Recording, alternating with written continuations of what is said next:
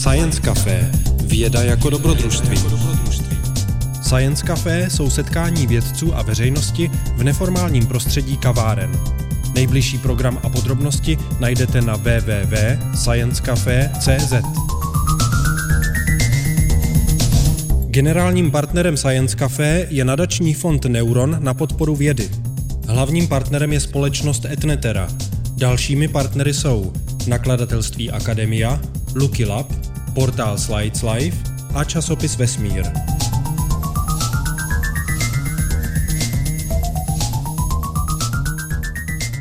Děkuju. Eh, ještě jednou dobrý večer.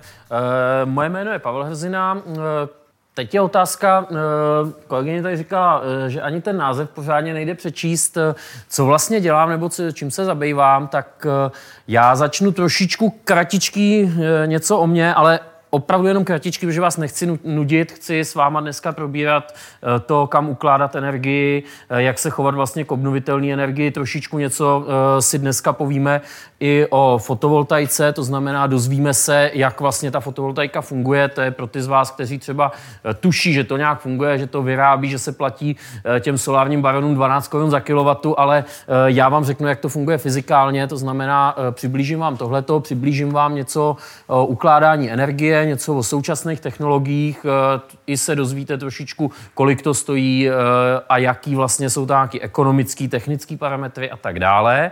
A e, potom e, v závěru se podíváme na nějakou jako trošku budoucnost, ale spíš než bych věštil, tak se vás pokusím e, naučit, jakým způsobem byste si sami měli vyhodnocovat v podstatě informace o novinkách. Když někde někdo napíše nebo uslyšíte v televizi, že vymysleli tuhle tu super baterii, tak abyste dokázali kriticky se na to podívat a říct, hele jo, tohle to by fungovat mohlo, tohle by fungovat asi nemohlo, tohle to je marketing, tohle to je chyba tohohle typu a tohle to naopak je bezvadný nápad. Takže eh, to je to, co eh, vám tady budu dneska povídat. Eh, k tomu, abych vám tohle mohl povídat, tak se snažím fotovoltaice věnovat někde od roku 2010, kdy vlastně jsem dokončil doktorský studium, to moje předchozí studium byla elektrotechnologie. Eh, to zná o tom, jak se vyrábí eh, elektrická zařízení, eh, z jakých materiálů, izolační systémy, prostě věci kolem technologie. Já jsem se tam věnoval spínaným zdrojům, napájení, kvalitě elektrické energie, takže takový trošičku mezioborový záběr. A tenhle ten jsem právě v tom roce 2010, kdy v podstatě vznikla ta naše laboratoř diagnostiky fotovoltaických systémů, tak jsem se potom vrhnul do té fotovoltaiky a dneska s oblibou říkám, že se zaměřuju vlastně na mezioborový vlastně aspekty té fotovoltaiky. To znamená, eh, nejsem úplně čistě fotovoltaik z toho hlediska, že bych zkoumal ty články do úplné hloubky, eh, ani se nevěnuju plně legislativě, ale zkrátka tak nějak mezi se snažím eh, určovat, říkat ten směr, diskutovat s lidma o tom směru, v podstatě kam se ta fotovoltaika má ubírat. K tomu mi pomáhá to, že vlastně samozřejmě hlavním room možná můžu říct, Hlavním zadkem sedím eh, na ČVUT v této laboratoři, ale k tomu eh, na částečný úvazek se pohybuju na Univerzitním centru energeticky efektivních budov, eh, který právě před pár lety vzniklo přesně z tohohle důvodu, aby se dokázalo vlastně integrovat tu novou energetiku, uložiště, fotovoltaiku, vítr, budovy inteligentní. Ostatně i tady ten váš prostor evidentně nese znaky toho, že je nově zrekonstruovaný nebo nově postavený a určitě ta budova má nějakou inteligenci a sami občas to poznáváte na vlastní kůži, kdy klimatizace určitě funguje moc nebo málo, eh, někde je něco špatně, někde je něco dobře, takže i tímhle tím se zabýváme právě na tom eh, Univerzitním centru energeticky efektivních budov a poslední logo, který jsem sem přidal, tak je Solární asociace, která vlastně eh, má za cíl združovat provozovatele těch fotovoltaik. Ale to už bylo dost eh, o mě, pustíme se do toho dnešního tématu. Já jenom na úvod omluvím se, občas do toho zakašlu, e, mám nějakou drobnou rýmu, to je první věc. A druhá věc, v okamžiku, kdy budete mít dotaz, eh, tak vykřikněte nebo dejte nějak najevo, že ten dotaz máte a hned ho zodpovíme. Zrovna tak, kdyby vám některé pasáže přišly úplně nudný, tak to nějak dejte najevo, prostě buď usněte nebo mávněte prostě dál, dál a já budu e, mačkat ten mezerník a pojedeme prostě 25 snímků za vteřinu a e, třeba to bude dobrý. Takže, čím musíme začít? No, eh, vždycky, když se začneme bavit o fotovoltaice, o tomhle vlastně obnovitelném zdroji, eh, tak začínáme sluníčkem. Eh, slunce je od nás vzdálený, líp se pamatuje jednu astronomickou jednotku, trošičku hůř už potom je to v těch kilometrech. Zároveň slunce je obrovsky hmotný, je to 330 tisíckrát hmotnost Země, takže tvoří jakoby, jako ten gravitační střed toho našeho známého malého vesmíru, kolem kterého si ta naše modrá planeta obíhá. Povrchová celková teplota toho slunce je 5800 Kelvinů, což je poměrně dost. Odpovídá to vlastně takový tý nažloutlý barvě sluníčka, to, co známe, když vyjdeme ven a zrovna sluníčko svítí, tak ta barva vlastně, který to sluníčko má, je barva, která odpovídá jeho povrchové teplotě. Výkon, který eh, to sluníčko vyzařuje do okolí je 4x10 na 26 W a Eh, objem eh, je 1,41 x 10 na 27 metrů krychlových, takže když se to šikovně podělí, tak se zjistí, že ta objemová hustota zase není vůbec velká. Eh, je to v podstatě nějaký zlomek vatu z jednoho metru krychlového, to znamená z kostky o hraně metr, v podstatě dostanu méně než jeden watt. Takže z toho už vyplývá to, že samozřejmě asi by nebylo úplně dobrý si z toho sluníčka kousek ukousnout, dát si ho třeba do sklepa a z toho napájet svůj dům, protože toho výkonu by bylo strašně málo. Potřebuje se ten zdroj veliký. Ale to sluníčko velký je, eh, to znamená, že ono eh, vysílá s tímhletím výkonem a na místě, kde se nachází naše země, tak se dá vlastně z tohohle získat zhruba 1360, 1366, někdo říká 1354, uh, ono ten výkon kolísá v podstatě s slunečníma cyklama vatů na každý metr čtverečný. To znamená, že na každý metr čtverečný naší atmosféry dopadne těchto těch 1366 vatů, což už není špatný, protože když si tady vezmu takovýhle metr, dobře, já o tom za chviličku budu mluvit, projde to atmosférou, něco málo se ztratí, ale pořád je to kilowata dopadlého výkonu, to znamená, je to už poměrně dost. Eh, když bychom si vystrčili takovýhle kolektor, který by to dokázal ze 100% účinností zachytit, tak eh, máme po problémech a eh, v podstatě každému z nás by stačily 2-3 čtvereční metry na to, aby jsme se v pohodě uživili, měli bychom ty 2-3 kW a mohli bychom si ohřejvat vodu, mohli bychom si svítit, mohli bychom si vařit všechno. Samozřejmě, jak se dozvíte za chviličku, všechno není takhle růžový. Bohužel my nemáme 100% účinný zařízení, takže z toho metru čtverečního dostaneme podstatně méně. Eh, první, co se stane, tak z té průměrné hodnoty na hraně atmosféry eh, nám to záření průchodem atmosféry postupně se mění. Jednak eh, klesá jeho intenzita, to znamená, je pohlcovaný z hlediska intenzity, a ještě ke všemu jsou pohlcovány některé vlnové dílky. To znamená, to sluníčko, sluneční světlo, který by mělo mít v podstatě poměrně spojitý spektrum, tak najednou se v tom spektru začnou objevovat nějaké mezery, kde určitá vlnová dílka neprojde. A tohle vy všichni znáte. To je to červené slunce, který vidíte v podstatě eh, při západu nebo při východu, protože proč? Protože když si představíte Zemi, tak a sluníčko je někde tamhle vzadu, tak vlastně prochází tou atmosférou ten paprsek hodně dlouho a pohltí se toho záření hodně a ta barva se posune z té žlutý, kterou známe v poledne, směrem k téhletý červený. A všechny tyhle ty pohlcování, odrazy, to znamená ta cesta toho slunce tou atmosférou, eh, je pro něj, eh, pro ten paprsek poměrně náročná a nám z toho zbyde na úrovni země zhruba kilowata. Tohleto číslo se krásně pamatuje, to znamená, je to opravdu plus minus uh, pár procent, dejme tomu 10 procent, je to prostě kilowata. To znamená, z každého metru čtverečního bychom teoreticky získali 1000 vatů. Eh, když budou mraky, tak se to bude postupně snižovat, to znamená, my se teď pohybujeme v té zimní části, takže takový zamračený zimní den, eh, tam klidně to může být jenom 50 W na metr, to znamená, všechno ostatní se ztratí v atmosféře. Eh, naopak, když bude modrý nebe a bude hezky v letě, bude nějaká nižší vlhkost a tak dále, tak se dostaneme až na těch tisíc. V případě, že se k tomu přidají nějaký odrazy, tak to odražený záření, pokud se od toho mraku odrazí šikovně a odrazí se třeba zpátky na zem, tak může vytvořit místně třeba i 1100 W, ale to jsou víceméně výjimky. Ten průměr těch 1000 W eh, je v podstatě odpovídající. Tak, co s těma 1000 W eh, udělá eh, fotovoltaický článek? Solární kolektor s tím udělá jednoduchou věc, eh, předá tu tepelnou energii a ohřeje v podstatě vodu eh, v těch trubkách. Tam ta účinnost je podstatně větší, to nějakých 60-70% podle toho, jak ten kolektor je udělaný. Ale my se chceme bavit dneska o fotovoltaice, protože eh, elektrická energie přeci jenom má daleko víc využití. Zatím nevím o tom, že by třeba počítač nebo nějaký jiný zařízení fungovalo na to, že tam dám trubku s teplou vodou. Takže pojďme to dělat tak, že z toho chceme elektrickou energii. Tak, jak tu elektrickou energii dostaneme? Uh, úplně geniální věcí, a tou geniální věcí je fotovoltaický článek, tak jak ho známe dneska, jak se ho dneska vyrábí milionové série v Číně, uh, v Americe, v Německu, prostě v každý továrně, která vyrábí dneska fotovoltaické moduly, tak víceméně vyrábějí to samý a jako základní prvek mají tenhle ten článek. Je to tenká destička z křemíku, eh, její rozměry mm, eh, jsou zhruba 15 x 15 cm. To je daný technologií, to je daný tím, že přeci jenom dělat větší destičky už by byl problém, že je tenká, tak by praskala. A já na tu tenkou destičku z křemíku uh, udělám pomocí chemické depozice a další spousty technologií, a to bychom si tady mohli povídat jenom hodinu a půl o technologii.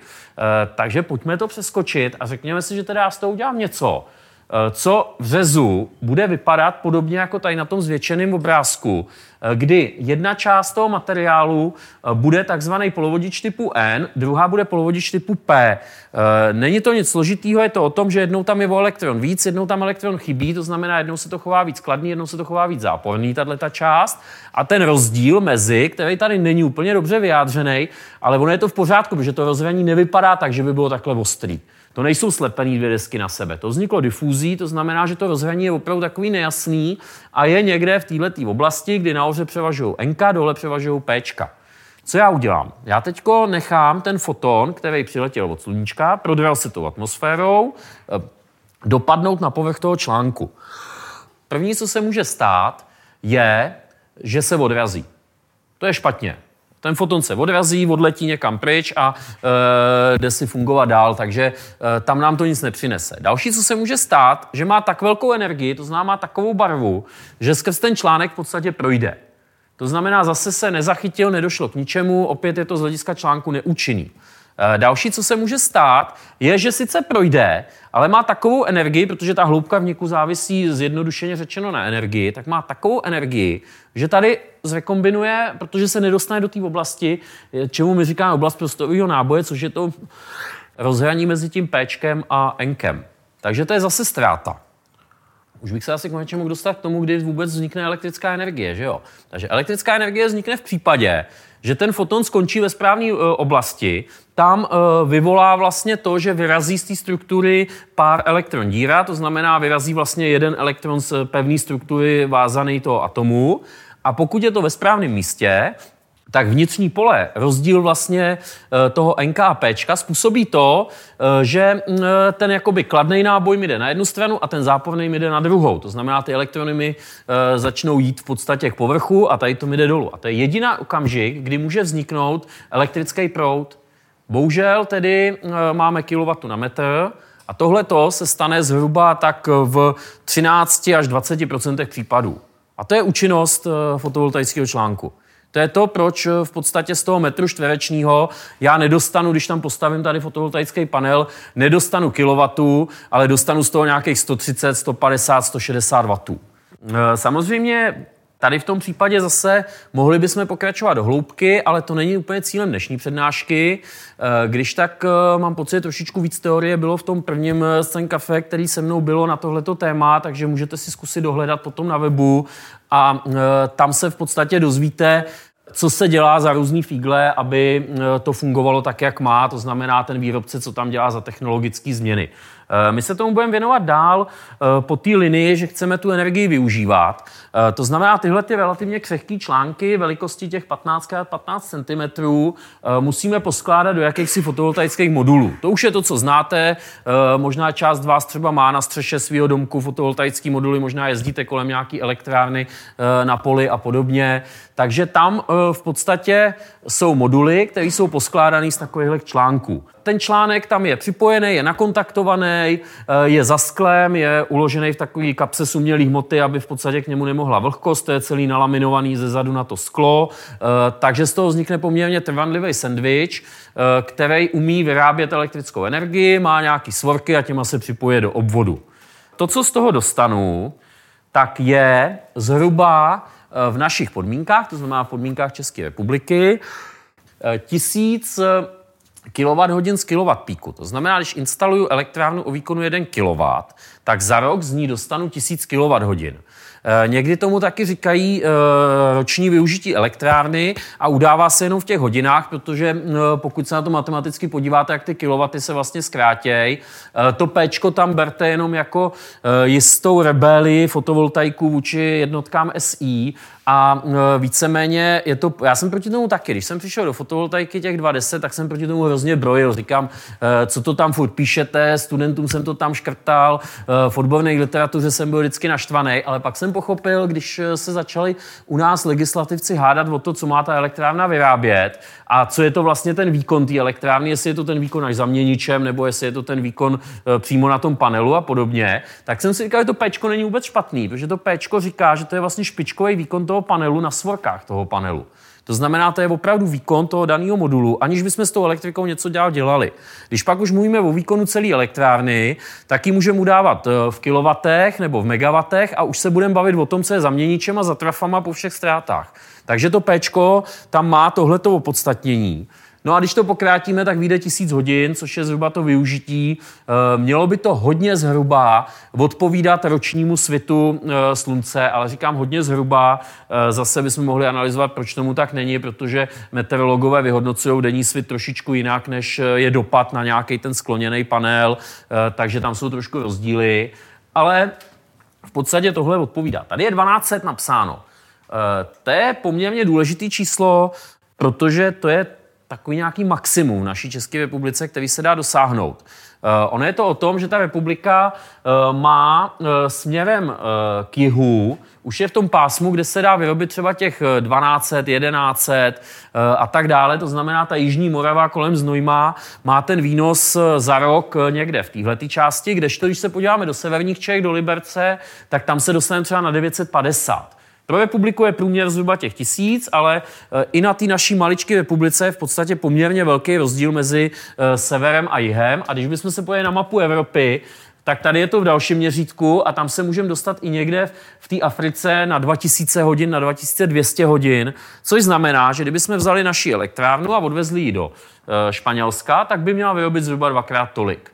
No a to není úplně pravda, protože on je tam teplejc a e, jsou tam nějaký další problémy, ale víceméně, na co se týče slunečního svitu, vyrobí zhruba dvakrát tolik. Tohle je strašně důležité, abyste si zase e, trošičku urovnali v hlavě, protože e, tohle vlastně znamená, že v Africe sluníčko nesvítí víc než u nás. Všude je 1000 W na metr. Všude z jednoho metru čtverečního na Zemi a je úplně jedno, kde to bude. Dostanu maximálně tisíc, protože na na atmosféře dostanu maximálně 1360 ale tady svítí to slunce podstatně díl.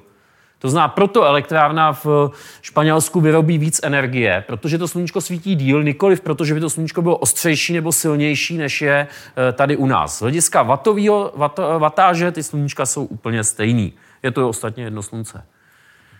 Tak, takový malý uh, ekonomický příklad. Většinou tyhle ty moduly, které vydáte na střechách eh, budov, tak eh, jsou s výkonem 250 W peak, to znamená, to je takový dneska eh, modul, který běžně seženete, který běžně koupíte v podstatě v obchodě nebo doveze vám ho specializovaná firma. Já jsem tady střelil nějakou cenu 4900, samozřejmě to je kusový prodej, když budete chtět jeden modul a koupíte ho někde v nějakém e-shopu, tak ho dostanete zhruba za tuhle tu cenu. Když toho budete chtět 20-30 kusů na střechu, tak se dostanete třeba někde o 20 o 30 níž. Eh, když to koupíte na velkou elektrárnu, eh, případně když koupíte trošičku jiný typ, horší kvalitu, eh, jste schopný dneska sehnat moduly okolo 2000. To znamená, to je tak nějak za ten jeden kus ta cena. Záruka na to standardně poskytovaná 10 a 25 let. 10 je na kvalitu toho výrobku, 25 let je potom na výkon. Eh, minimální účinnost dneska se dá očekávat někde pod 16%. Eh, s tím, že pro takovýhle rodinný domek těch 5 kW vyjde na nějakých 150 tisíc ta elektrárna a e, ročně e, to vyrobí 6,5 MWh a roční spotřeba takovéhohle domku by průměrného mohla být okolo 5 MWh, e, když ten člověk bude tak nějak průměrně spotřebovat, možná trošičku nadprůměrně, záleží na velikosti té domácnosti, na zateplení a tak dále. Takže by se dalo říct, že máme všechno v cajku, osadíme domeček vlastně 5 kW fotovoltaiky, což mi dá 150 tisíc a mám elektriku do konce života zdarma, nebo aspoň na příštích 25 let. Ono to není tak úplně jednoduchý, protože přestože ročně spotřebuji 5 MW a ročně vyrobím 6,5, tak bohužel je tady jeden problém a ten vy už tušíte určitě. A to je to, že zkrátka v zimě to nevyrábí. To znamená, já mám v létě ty energie přebytek, mám jí hodně a v zimě nemám tu energii v podstatě skoro žádnou. Ten rozdíl výroby mezi zimou a létem je skoro desetinásobný. Jo, to znamená, že fotovoltaická elektrárna v těchto měsících vyrobí v podstatě desetinu toho, co vyrobí v létě. A to je hlavní problém vlastně fotovoltaiky jako zdroje, kdy samozřejmě denní kolísání tady vidíte taky. To znamená, můžou tady být eh, dny, kdy to vyrobí hodně a můžou tady být dny, kdy to vyrobí opravdu maličko, kdy je zataženo vošklivý den. Eh, v zimě se stává, že tady je nula. Tohle je obrázek ze 40 kW píkové elektrárny u nás na Univerzitním centru v Buštěhradě a je tady vidět, že opravdu ty výroby jsou hodně malý. Tohle je nějaký, co to je, nějaký desátý den. Jo, takže tady je prostě vidět, že byly dni v tom měsíci, kdy to vyrobilo málo. Takže tohle je ten problém, který musíme nějakým způsobem vyřešit. Jak tenhle ten problém můžeme řešit, už asi začínáte tušit i z tématu uh, té dnešní přednášky, to znamená, budeme se bavit o tom, jak to uložit. Ale ještě předtím se pojďme podívat, jestli by neexistovalo nějaký jiný řešení. První, co já můžu udělat, je, že si odsimuluju tenhle ten průběh. To si můžete udělat i vy. Eh, existuje na to na eh, téhle webové stránce, což je webová stránka jedné z Evropských komisí, takový onlineový webový nástroj, kde si vlastně kliknete do mapy, určíte si tím polohu, naklikáte si tam, jakou máte elektrárnu, pod jakým úhlem tam máte ty panely a ono vám to spočítá, kolik asi tak ročně budete průměrně vyrábět. Samozřejmě Eh, tady to je vyloženě čistá simulace a my, když jsme dělali kdysi vyhodnocení eh, vlastně výroby eh, pro nějaké potřeby jednoho sporu, tak jsme zjistili, že od této simulace se to meziročně může lišit o 10, o 15, o 20% a může to být opravdu o tom, že jednou, jak se říká, ten květen je pěkný, kde ho máme? Tady, jednou ten květen je pěkný a jednou prostě změření ten květen vyjde, že nestojí za nic, prostě bylo deštivo. Všichni to známe, říkáme si, letos bylo hezký léto, předtím bylo ošklivý léto a podobně a ono se to podobně projeví. Eh, tahle ta simulace, eh, kterou eh, můžete používat, tak ta používá průměrné hodnoty zhruba za 10 let zpátky a využívá databázi, kterou získali vlastně měřením z družice, kdy měří vlastně osvícení, osvícení všichni osvícený. osvit v podstatě té planety a zjišťují eh, tyhle ty data s přesností zhruba čtverce asi 100 x 100 metrů, to znamená, dá se poměrně eh, dobře eh, zjistit i takový ty místní vlivy, lokální mlhy, ale pořád prostě je to jenom průměrná hodnota. Další, co můžu dělat a co taky zkoušíme, tak je jakýsi forecast, jakýsi předpověď. To znamená, je to o tom vlastně, řekněte mi, jestli zítra bude svítit sluníčko. Tohle je otázka, která v dnešní době, zvlášť v Německu, má cenu zlata. Protože to znamená, že podle toho ty tradeři nastavějí obchody a jsou schopní prostě na zejtřek si objednat tu elektřinu, anebo naopak ji nabídnout, že ji vyrobějí. To znamená, tady ta otázka, jak bude zítra, už není jenom otázka uh, jakýchsi obrázků z meteopresu, protože uh, už je to otázka toho, kolik vatů na metr zítra bude a v které hodině a jak to bude svítit. A když tohle to dokážete s vysokou přesností předpovědět, tak můžete vydělávat. Můžete vydělávat i na fotovoltaice, která nebude dotovaná, protože eh, tu energii zobchodujete efektivně na trhu. Když tomu máte ještě bateriové úložiště a dokážete se vypořádat s nějakýma přebytkama, no tak je to úplně luxus a jste schopni v podstatě v dnešní době už se pomalu tím uživit bez dotací. To znamená, už v této době vlastně se dá tím obchodem s tou energií, když to dokážu predikovat, uživit. Samozřejmě pokud tu predikci nedělám, no tak zítra budu čekat, jak to dopadne. To znamená, budu čekat, jestli to jestli vyrobím nebo nevyrobím. Eh, když náhodou zasvítí, budu mít problém, že nemám nasmlouváno, nikdo to ode mě nebude chtět odebrat, já v nejhorším budu muset snižovat uh, výkon té elektrárny, uh, v lepším případě se mi to podaří někde pod cenou prodat na tom denním trhu. Takže tady z toho hlediska obrovský vlastně boom dneska v posledních, já nevím, dvou, třech letech eh, těchto těch předpovědí a těch předpovědních systémů, který se snaží na základě i neuronových sítí a počítačového modelování v podstatě modelovat chování. Eh, třeba eh, systém toho forecastu, který zkoušíme my na UCEBu, tak je ještě dělaný tak, že má zpětnou vazbu. To znamená, že ta jednotka, kterou vy máte u té své elektrárny, se o té elektrárně učí. To znamená, ona se učí ty místní podmínky a vůči nim opravuje tu předpověď. To znamená, když Meteopres bude hlásit prostě eh, polojasno a ta jednotka ví, že je někde na Ostravsku v nějaký díře, kde je eh, opravdu se drží smog nebo něco podobného, eh, tak samozřejmě ta jednotka okamžitě řekne ne, ono to není polojasno, ono je to skoro zataženo. Jo, a upraví ty predikce. A naopak, když je to někde na kopečku, dokáže tam tohleto připočítat. Eh, to je celý zase jeden obor, tam krásně prorůstají vlastně ty počítače do eh, praktického života a do eh, vlastně modelování reálného života. Ale já jsem říkal, že řešení by mohla být akumulace. Takže pojďme se podívat na to, jestli tu energii, kterou vyrobíme a kterou zrovna nepotřebujeme, protože svítí všem a bylo by lepší prodat teď večer, aby jsme si tady mohli svítit, aby jsme si tady mohli promítat, tak jestli tohleto nějak někam pokročilo, jestli jak to vypadá vůbec na trhu, co je k dispozici a tak dále. Eh, já jsem tady připravil takový jednoduchý graf, eh, který víceméně ukazuje eh, jako nějaký pohled na dostupné technologie Eh, to znamená, jsou to systémy pro ukládání většího množství energie. My se dneska teď, nebo dnes, teď se nebudeme chviličku bavit o mobilních telefonech, o baterkách v laptopech a podobně, ale e, zaměříme se na energetické uložiště, to znamená něco, co dokáže e, pohltit energii z elektrárny a dokáže tu energii z té elektrárny dodat třeba o pět hodin později zpátky na trh. Když se na to tedy podíváme, tak je tady několik sloupečků, již ověřeno v provozu, pilotní projekty, nové technologie a výzkum a nové technologie. Já jsem si to nazval pokusy. Já jsem tam hrozně hledal vhodné slovo. Jo, protože e, nechci se nikoho dotknout a nechci prostě hodnotit, protože už se to mnohokrát e, jaksi na poli vědy a na poli e, jaksi toho budoucna nějakým způsobem vymstilo a říct, tohle je úplně k ničemu, to je prostě ďáblův vynález, to nikdy nebude fungovat.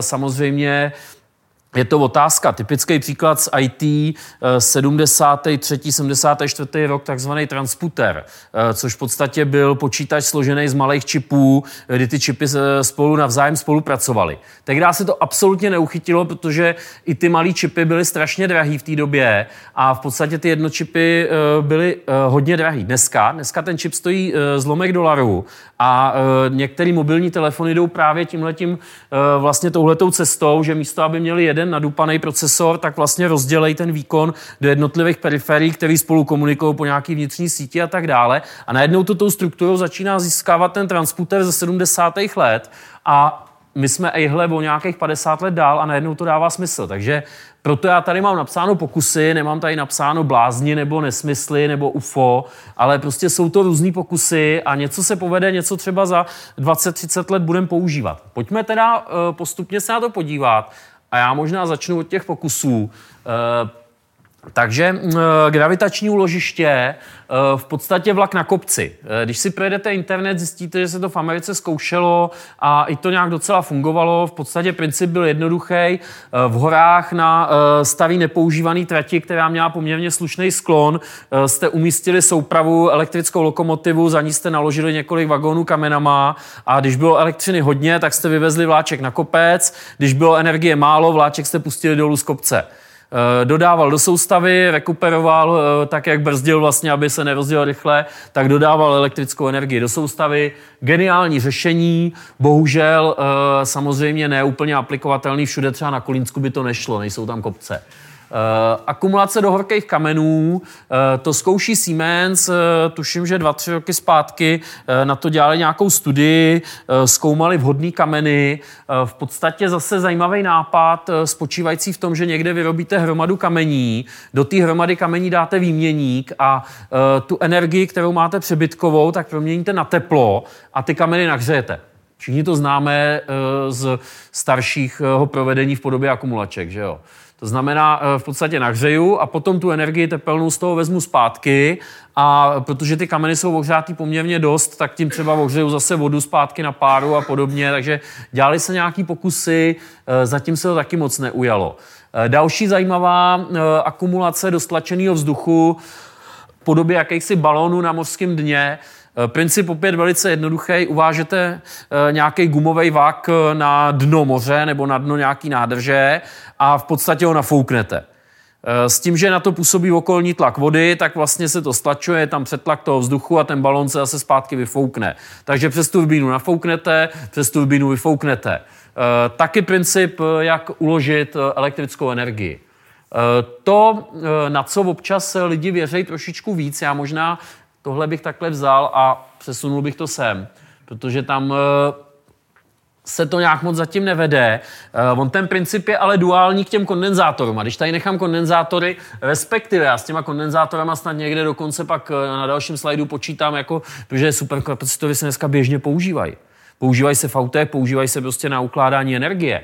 Takže když už tady mám kondenzátory, tak tady musím mít ty supravodivé elektromagnety, Protože to je taková ta dualita kondenzátoru a cívky, kterou si možná pamatujete někde eh, z elektriky, eh, ze studia elektriky. Takže eh, proto akumulace do elektrochemických kondenzátorů z hlediska akumulace napětí nebo akumulace proudu v supravodivých elektromagnetech. Oboje se zkoušelo, oboje nějakým způsobem funguje. Co je ovšem zajímavé tady, a tam bych možná dal spíš vykřičníček, a to musel ještě trošičku tu prezentaci třeba upravit, tak to jsou adiabatické systémy stlačeného vzduchu, který v podstatě na rozdíl od klasických eh, systémů stlačeného vzduchu uh, mají uh, tu schopnost, že se dokážou vypořádat s problémama ohřejvání. Protože vy, když vzduch stlačujete, tak ono energeticky to není vůbec výhodný, protože ten kompresor se ohřejvá. Vy ho musíte chladit a vlastně tím ztrácíte spoustu energie, kterou byste mohli uložit do toho systému.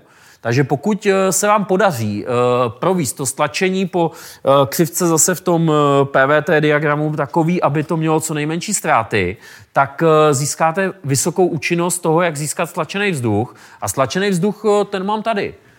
Ten běžně běhá. To znamená, to je systém, který se běžně používá. To znamená, natlačí se do e, podzemí nebo do nějakého zásobníku vzduch a pak se ten vzduch vyfoukne zpátky přes vrtulku, e, která točí nějakým generátorem. Takže eh, to jsou systémy stlačeného vzduchu. Dostáváme se k, poli, eh, k politiky oblíbenými pilotními projekty. Pilotní projekt je oblíbená věc, protože se na tom dají utratit peníze a už to někam vede, už to vypadá, že to nějakým způsobem funguje, takže eh, z hlediska mýho oboru a ukládání energie mezi ty piloty určitě patří vodíkové technologie a umělej plyn. Vodíkové technologie, o těch slyšíte a díky marketingu asi většina z vás získává pocit, že to běžně funguje tamhle se kupuje auto na vodík, tamhle se něco dělá na vodík. Ona je to pravda, ale když se podíváte na ekonomickou analýzu takového vodíkového úložiště, tak zjistíte, že zkrátka bez eh, toho, že by to byl pilot eh, nebo že by to bylo brutálně dotovaný, se to nedá pořídit dneska. Vodík má totiž jeden zásadní problém. Víte jaký? Strašně malá molekula. Ten plyn má strašně malou molekulu, to znamená, že všude projde. Eh, tím, jak ten vodík je na začátku periodické tabulky, tak je opravdu maličký a on se vám protlačí, on vám projde kovem, to znamená, když eh, vezmete lahev tlakovou a načerpáte do ní vodík, tak eh, i když je ocelová, tak ten vodík z toho za chvilku uteče. Uteče těma stěnama, navíc ještě díky tomu ty stěny trošku degradují, takže ztrácejí pevnost. Takže je tady obrovský problém. Teď ten vodík, aby z toho stlačili, potřebujete strašně velký tlaky, takže ty nádoby musí být masivní. Řešení existuje. Dnešní moderní nádoba na stlačený plyn typu vodíku je v podstatě sandwich. To znamená, ve Vevnitř je laminátová jakási skořepina, která má zajistit tu těsnost, kdy se pomocí toho laminátu dá udělat větší těsnost, než má to železo. A ten vnější obal potom je ocelový a zajistí tu mechanickou pevnost eh, vlastně eh, té nádoby. Takže jde to, ale ty nádoby jsou složitý. Eh, na stlačení toho vodíku je potřeba energie. My už jsme si řekli, že jakmile něco stlačujeme, tak tam vzniká teplo, takže to musíte chladit. Teď ten vodík zase je potřeba mít na nízké teplotě. Takže tam je obrovský problém. Eh, ku podivu existuje řešení, jak se s tím vodíkem vypořádat a to má daleko větší potenciál a to je umělej plyn. Eh, tam se totiž využije eh, jednoho chemického fíglu. Místo, aby jsme ten vodík tlačili k sobě mechanicky, to znamená nějakým kompresorem, tak my ho navážeme do sloučeniny. My ho nadspeme do nějakého metanu. nějaký CH4 nebo něco podobného. To znamená, přibalíme ho na tu uhlíkovou molekulu a díky tomu vlastně najednou ta molekula jako celek je větší.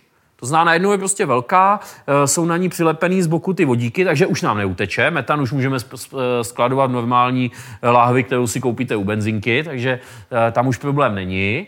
Další věc je samozřejmě, že díky tomu to můžu spalovat v běžném zařízení, nebouchá to tak dobře, jako by bouchal samotný vodík, který bouchá ve strašně širokém poměru mísení se vzduchem.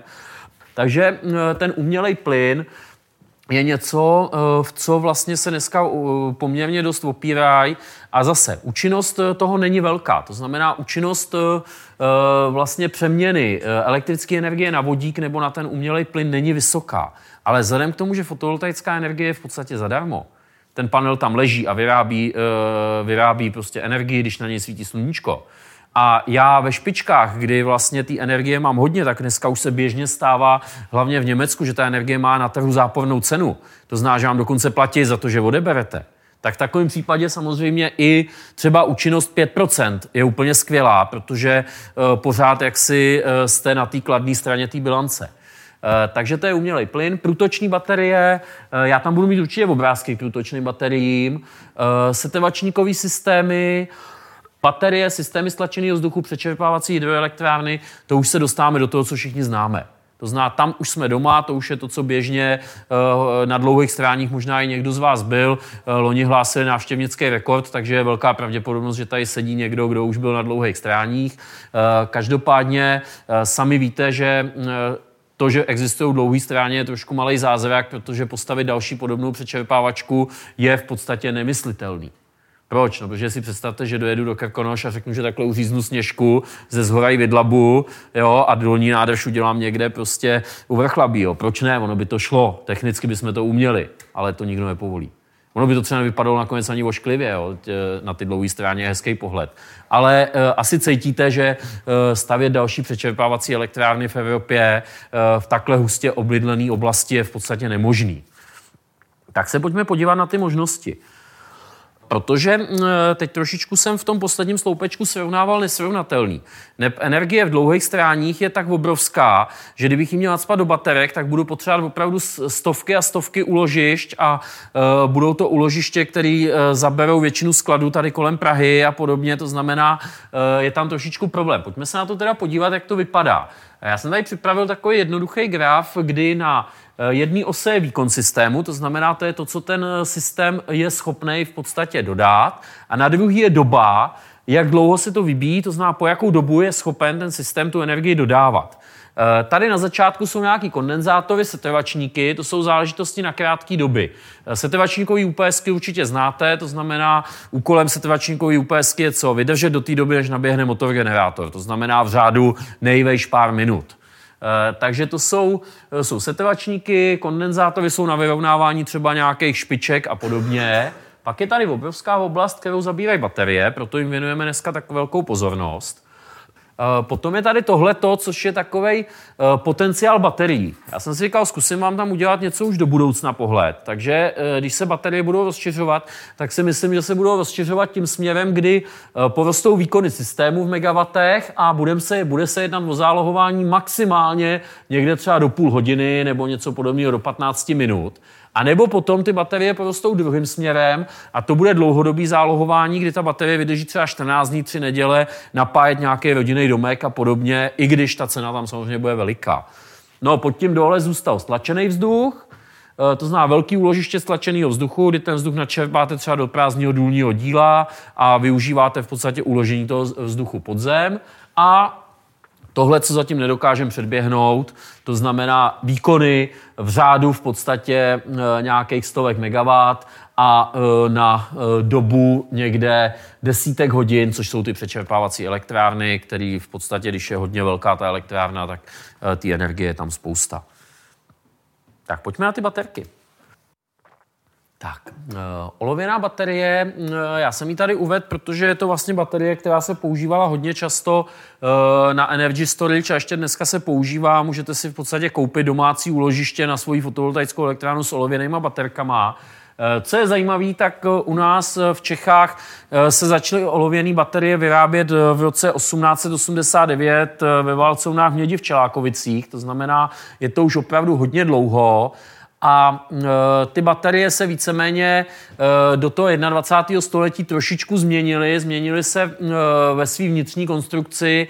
Dneska většina těch baterií už není e, něco, co nalejváte, co nějaký ukoptěný prostě kyblík e, zalitý asfaltem s dvěma vývodama, z čeho teče kyselina nebo voda.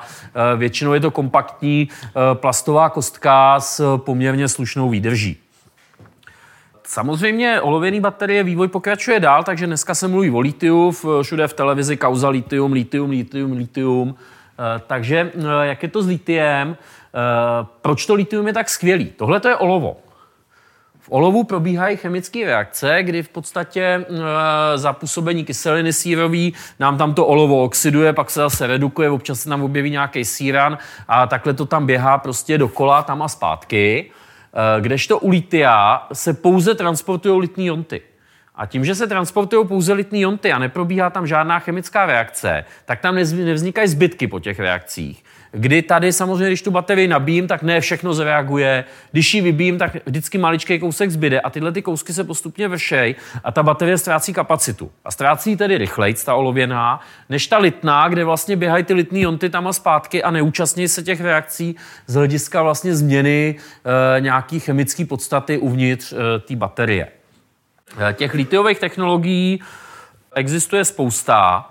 Eh, takže když se na to podíváme, tak eh, máme tady litium titanát, litium iron fosfát, eh, já vám to tady takhle nechám eh, z toho důvodu, nebo v té prezentaci tenhle ten slide, abyste si když tak mohli eh, potom eh, doma u Wikipedie a u internetu vyhledat v podstatě, jak ty jednotlivé typy baterií vypadají, abyste měli nějaký klíčový slova. Každopádně věřte tomu, že opravdu těch technologií je spousta, pokud se mluví o litiové technologii, tak to rozhodně není jedna technologie, ale je to spousta různých technologií, dokonce s různou cenou. Eh, to znamená, že když někde hledáte ekonomický údaj cena baterií litiových, tak si musíte sakra dát pozor, jestli se jedná o eh, baterie, já nevím, litium kobalt, litium nikl, případně litium železo fosfát a podobně, protože ty cenové rozdíly tady vidíte, že jsou obrovský.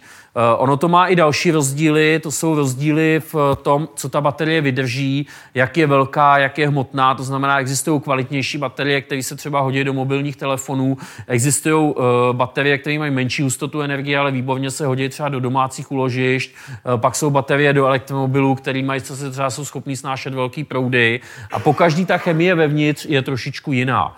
Opět eh, se dostáváme k tomu, že eh, nám tady vymezený čas eh, by na tohle nestačil. Většinou tak za semestr se to dá. Další typy, Samozřejmě lidi se snaží vymyslet nějaký zajímavý typy, to znamená, tadyhle ten je třeba zajímavý, to je baterie, kdy tam je kovová elektroda a proti tomu je kyslík. To znamená, ta baterie má v podstatě nějakou mřížku, kterou tam eh, vniká vzduch a z toho vzduchu uh, si bere kyslík a ten kyslík se vlastně účastní té reakce, takže je to taková vzdušná baterie, uh, může tam být síra a tak dále. Další baterky. Vanadium redox, průtoční baterie. Tady je použitý velice hezký fígl, kdy v podstatě skladujete zvlášť elektrolyt a pouštíte ho do té baterky. Trošičku to připomíná palivový článek, ale má to krapánek jiný princip, eh, kdy v podstatě tady je ta reakční celá a vy ten elektrolyt, jak ho proháníte tou reakční celou, tak vlastně buď když to nabíjíte, tak ten elektrolyt se nabíjí a teče jedním směrem, anebo naopak se vybíjí a teče vlastně druhým směrem a e, ta baterka má v tomhle výhodu, že vy toho elektrolytu můžete mít kanistry, můžete mít prostě spoustu velikou zásobu elektrolytu a může ta baterie vydržet třeba půl roku prostě běžet, jenom budete dole nosit od někud jinot, vozit elektrolyt. Eh, tyhle ty systémy se zkoušejí. Eh, u nás na Vysoké škole chemicko-technologický eh, se poměrně dost úspěšně kluci s tímhle bavějí a vypadá to, že by to mohla být budoucnost takových těch stacionárních uložišť na velkou dlouhou dobu, relativně velké množství energie, ale s menším výkonem. To znamená takový ty zálohy nějakých chat horských a podobně.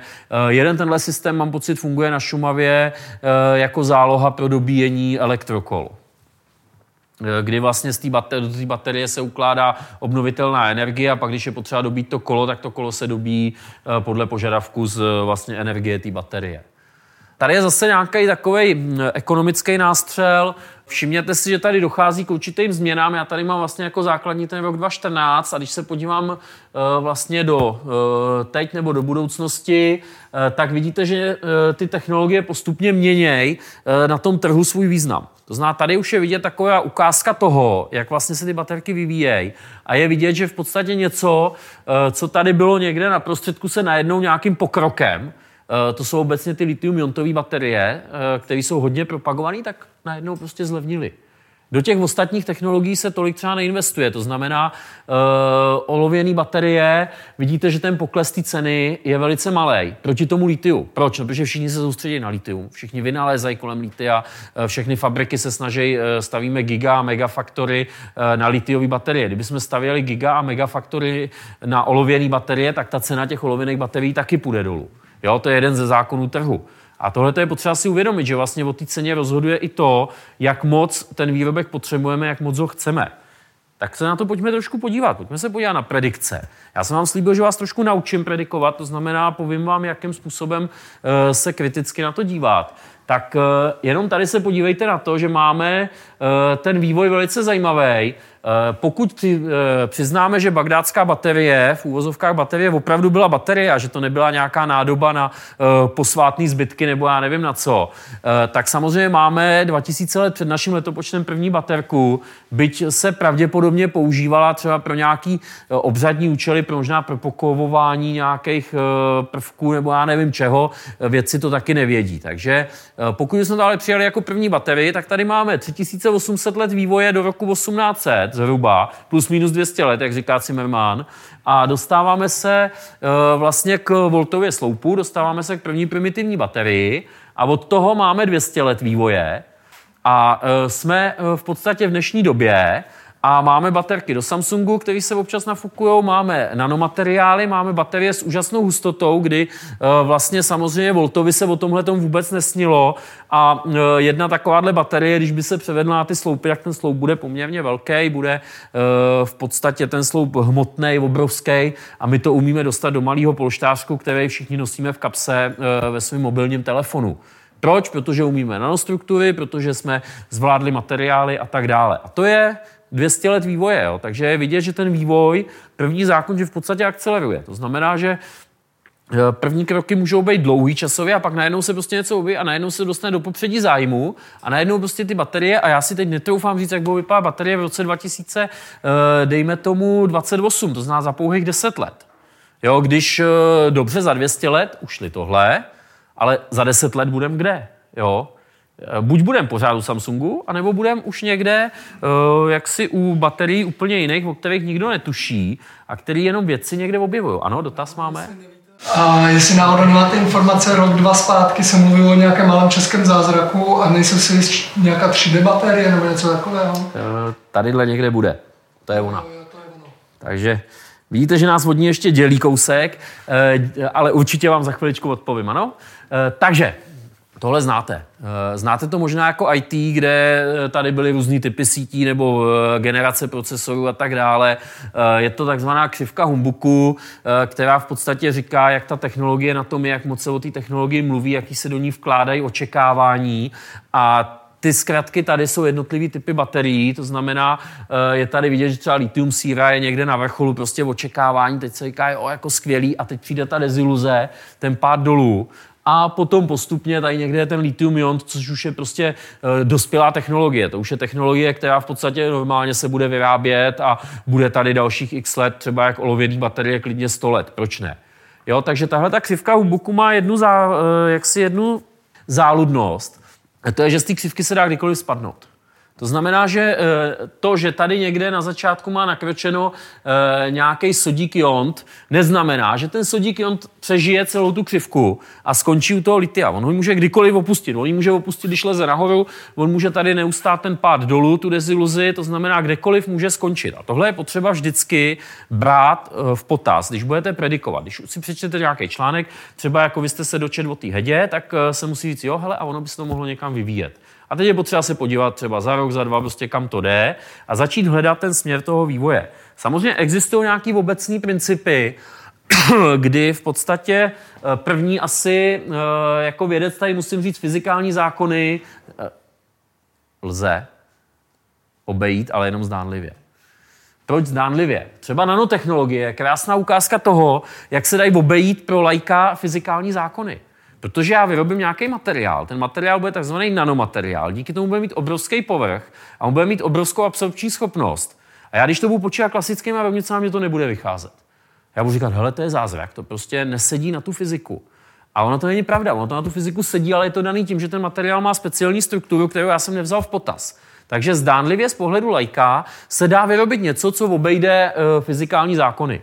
Ale věřte mi, že opravdu fyzikální zákony nejdou obejít.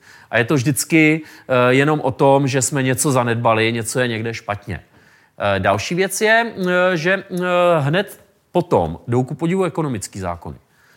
Ten první zákon je, že ta činnost musí produkovat zisk že když budu dělat baterii, a to je zase třeba příklad eh, eh, možná eh, vývoje nějakých nových myšlenek, ať už je to ta Heda nebo další, kdy musím mít peníze na to, abych mohl ty myšlenky rozvíjet. A když je nebudu mít, tak ta firma zkrachuje. A těch startupů, který měli dobrý nápady, který měli prostě dobrý vynález a neustáli to finančně, těch je ve světě daleko víc než těch, kteří to dokázali.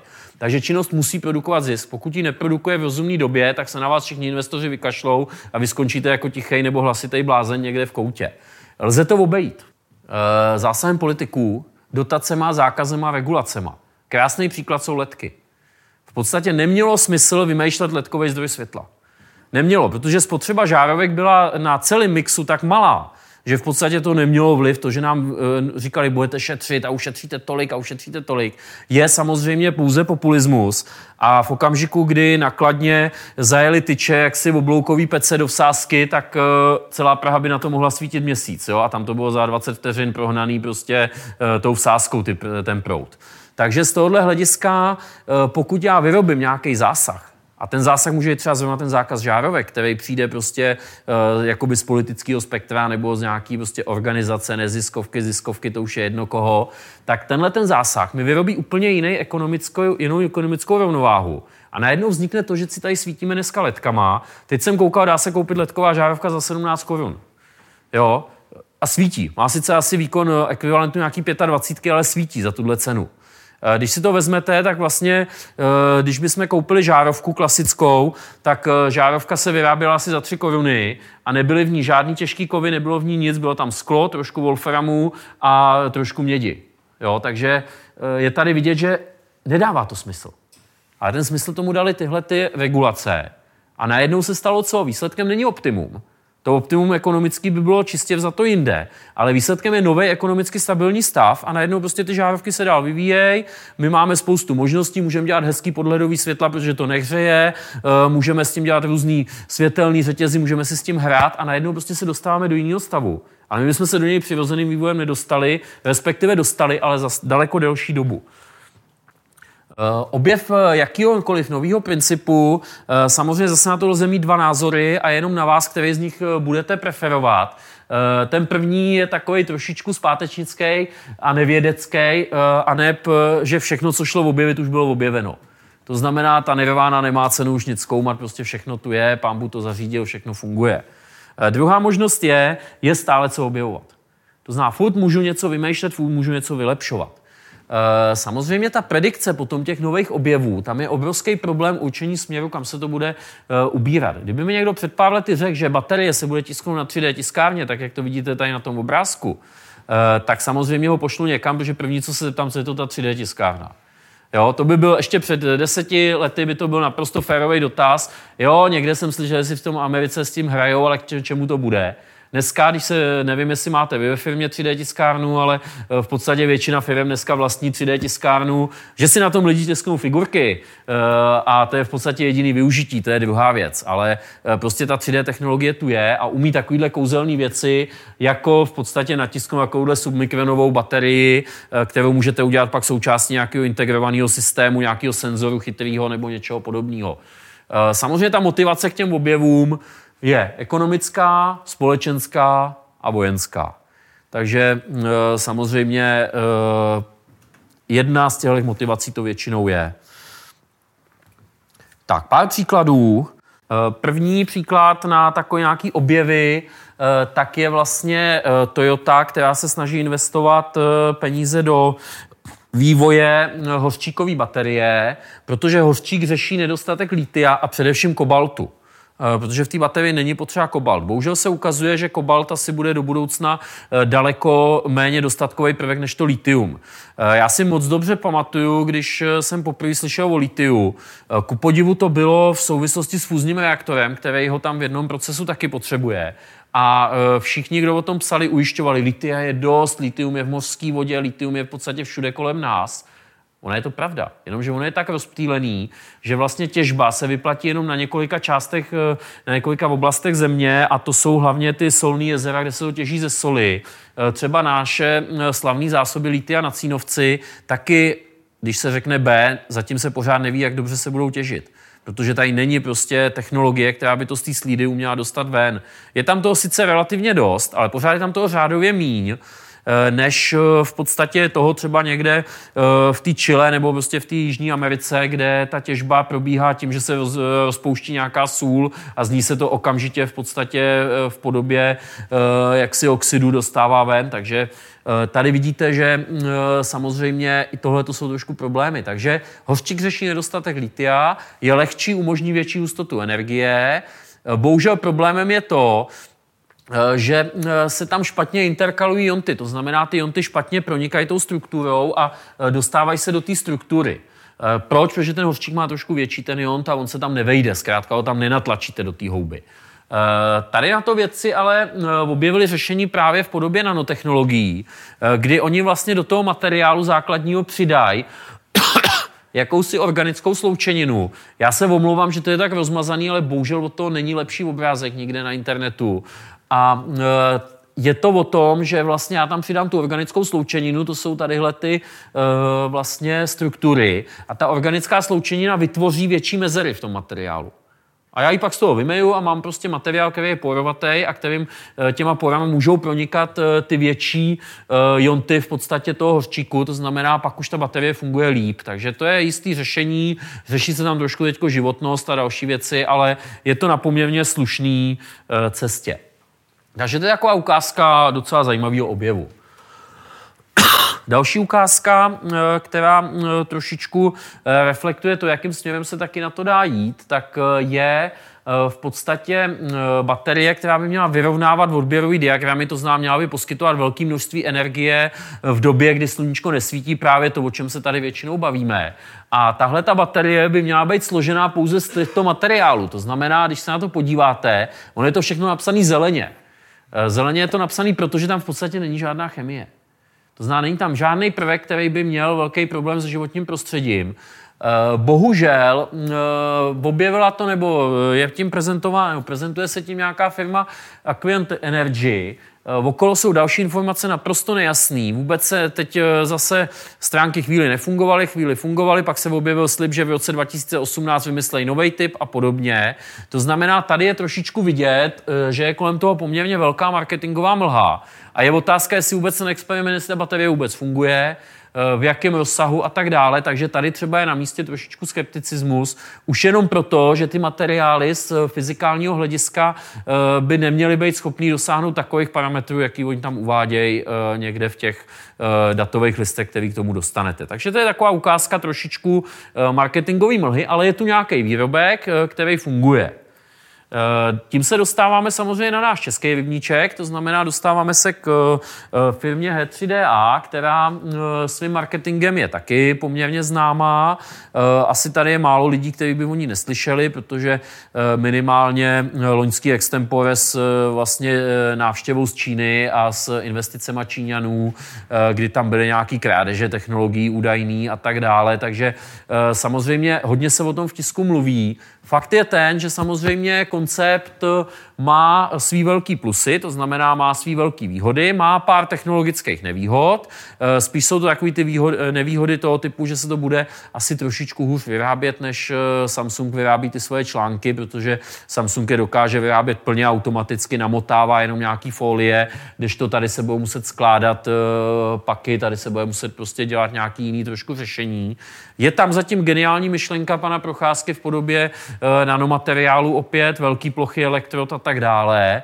No a je tam ten problém, že samozřejmě od toho, od té myšlenky, od toho vynálezu eh, do eh, té konečné realizace by klidně mohlo uběhnout 10-15 let a my jsme teď někde tak v první třetině, ta baterie je tady asi 6 let, takže nebo v polovině možná. Jo, takže klidně eh, je možný, že H3DA vstoupí na trh, ale rozhodně to nebude tak, jak tvrdí, že by tam byly v roce 2018 a vyráběli v podstatě megawaty. Spíš to bude o tom, že jednou to nějakým způsobem dojde k nějakému cíli třeba. Takže to je další věc. Opět v podstatě odpověď na otázku funguje, nefunguje, nevíme. Nevíme, nějak funguje, nějak nefunguje a je to z tohohle hlediska strašně těžký určit.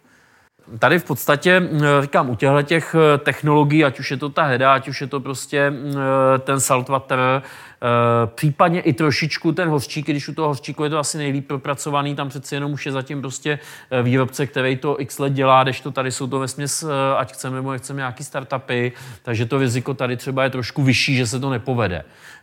Velká výhoda Hedy je, že se jí daří marketingově získávat investory a pokud budou peníze, tak se to dotáhne.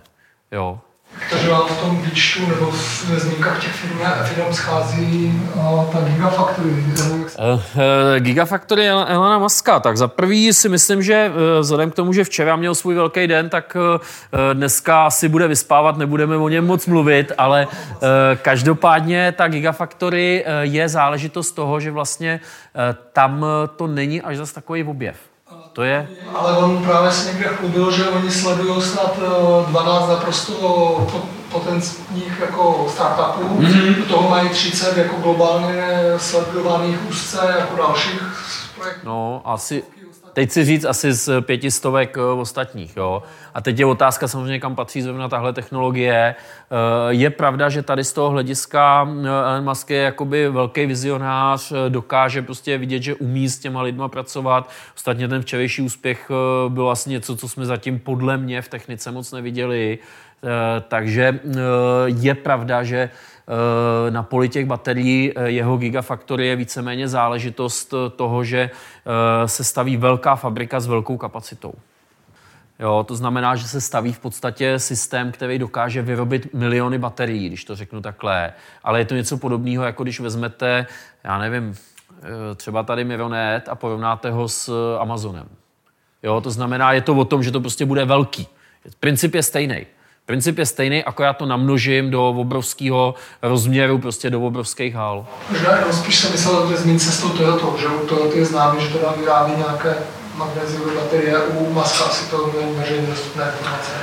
No, u Maska jako tam on podle mě bude volit technologii, která mu nejlíp vyhoví tomuhle masovému nas, nasazení a nebude se pouštět do u takovéhohle projektu do experimentů. To znamená, nebude dělat nějakou neověřenou technologii, ale pokusí se masově vyrobit nějakou známou technologii a podaří se mu nebo pokusí se v podstatě na tom udělat tohleto. To znamená dostat se co nejníž s tou technologií, která už existuje díky tomu, že se jí bude vyrábět hodně. Ostatně tohle se stalo ve fotovoltaice. Eh, to je přesně to, co se povedlo ve fotovoltaice, protože eh, já tady ty data nemám v této prezentaci, ale eh, když se podíváte do historie, tak v roce 2005-2006 ten panel, který jsem tady prezentoval, stál 20 tisíc.